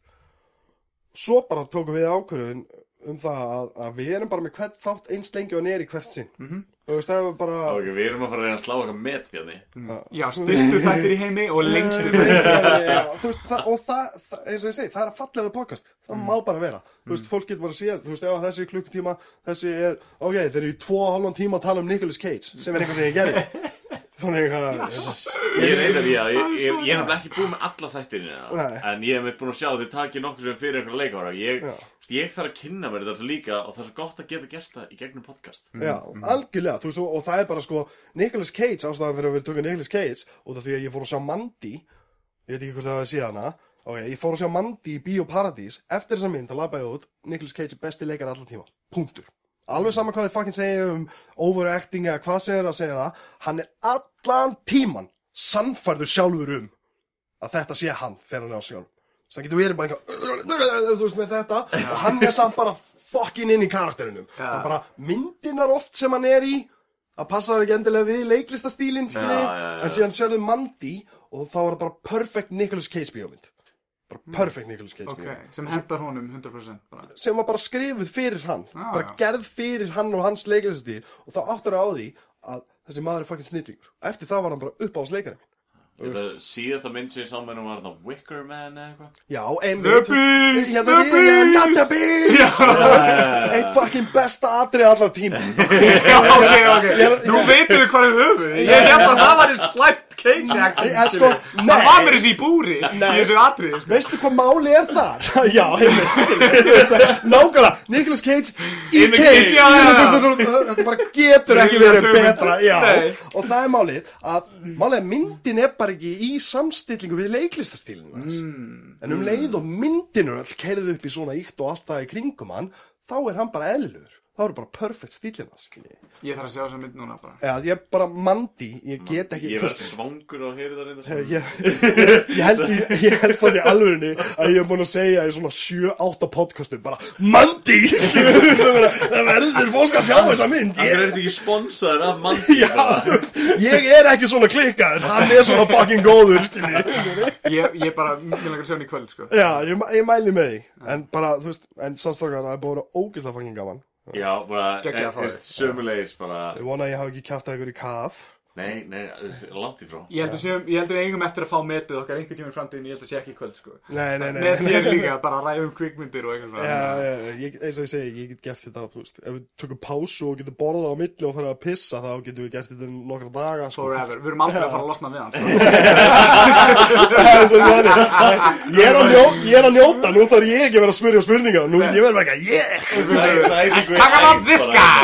að hérna, my já, favorite thing to do. Þetta verður svo, ég held þetta verður back and forth Þetta áttur að endi í svona smá þetta, tíma stríði Þegar við komum svo til Elvar Já, já, já. já, það er bara, að strákar, ég vona að þið tóku frí vinnunni. greið hérna Clemens á bara Það byrjar að sopna bara eitthvað Já, þetta því að myndaðalina taka líka bara upp í 20 mínútur í senn, þannig að hann þarf að vera alltaf á myndaðalina. Ok Hann er duglegur, Já, bara já. magnaður. Dagur Jóhansson. Já. Jóhann Og hérna Herru, ég held að segja blikka eitthvað hérna á mækin Hvað er að gera? Já, hann er að vera búinn á bakla bat. Já, já, já. Batterín er að vera búinn í gestamæknum Og við ætlum bara þá að uh, einhver... Endaleins óviska, bara farið, leitið hann uppi. Þetta er hérna góðu maður og bara indislegt að hlusta á hann. Bara takk hérlega fyrir Hann komuna. er örgulega bjargaði þessum þætti og það er leiðast að hlusta á okkur. Láti ekki, þeir eru fangin meistarar. Það Hérna, var ógæslega gaman. Ég er búinn að ná að snúa nokkrum upp á þáttin ykkar. að, Takk og bless Takk fyrir takk og bless. Ég veit sjálfur maður. Þú ert að hlusta á hemma frænda Því þú verður ekkert betra að gera. Við getum ekki hægt að tala um það hvað það var uh, gott að fá Elvar í heimsókn. Nei, þetta var bara mjög ánægilegt Ég var, að seg, ég var enda við að segja við einar meðan við kliftum hérna og meðan Elvar fór að því hann er farin frá okkur. Að hérna, þetta er uh, skemmtilegasta kvöld sem ég upplifaði í vikunni Já, en hann var svolítið hrættur um að hafa að tala okkur í kaff En Já. það er samt ekki málið, skilju Við viljum fá að kynnast fólki. Já, gestirnir eiga náttúrulega að fá að njóta sín. Við vorum svolítið eins og þú sagðir að tala svolítið mikið yfir hann hérna, Átna Jóhans þegar hann var hérna í fyrir þættinum. Já, já, já. Og, og, en þú veist, og, og þá kom ég með svona já, en við erum bara svona að spjalla svolítið svona, skilur, en, en það meika sens að lefa gestinum aðeins að fá svona ráða ferðinni Það fekk að njóta sér aðeins. Við fengum reynda líka segja sögur sem ég fannst líka mjög gaman mm En hérna, en talandi um sögur? Já, já, já, ég var búin að lofa náttúrulega hérna fyrir þættinum að hérna, ég ætla að uh, koma kannski með fleiri svona spooky sögur. En hérna, þessi er síkild, en það er búið að tvíka aðeins. Það er hérna, á ég segja söguna sem ég ætla að segja nýju söguna sem ég var að segja þér rétt á hann Þetta er bara alveg þitt val. Já, ok, ok, þessi spooky saga sem ég ætla að segja var að ég var eins og heim hjá félaga mínum þegar við vorum yngri. Var já, hinn saman stýttri Já, hins að hann aðeins við, sko. En ég skal bara segja hana líka til að enda, enda hana þátt. En annars sem það bara takk fyrir að hlusta og þið eru aðeinsleg Hérna, já, ég var heim hjá félag mínum þegar við vorum yngri uh, Og hérna, hann, við sátum hérna við tölvunans Og hann byrjar að syngja Drottin miskuna þú oss Hvernig hljóma það? Drottin miskuna þú oss alveg ekki, ekki alveg svona en, en svona voðalega líkt þessu skilur og hann söng þetta svona tvisvar og hérna svo allir bara fundið við gegn að bruna líkt og þá hafði kviknað í hljóðkortin hans einmitt þegar hann var að syngja þetta. Já. Svona eins og reyði elding frá skilur guði. Og í hljóðkortið líka. Fyrstu vorum bara að spúki sögur. Hinn spúki sann er hérna Palli var einn í heiminum og hann skeiti í sig.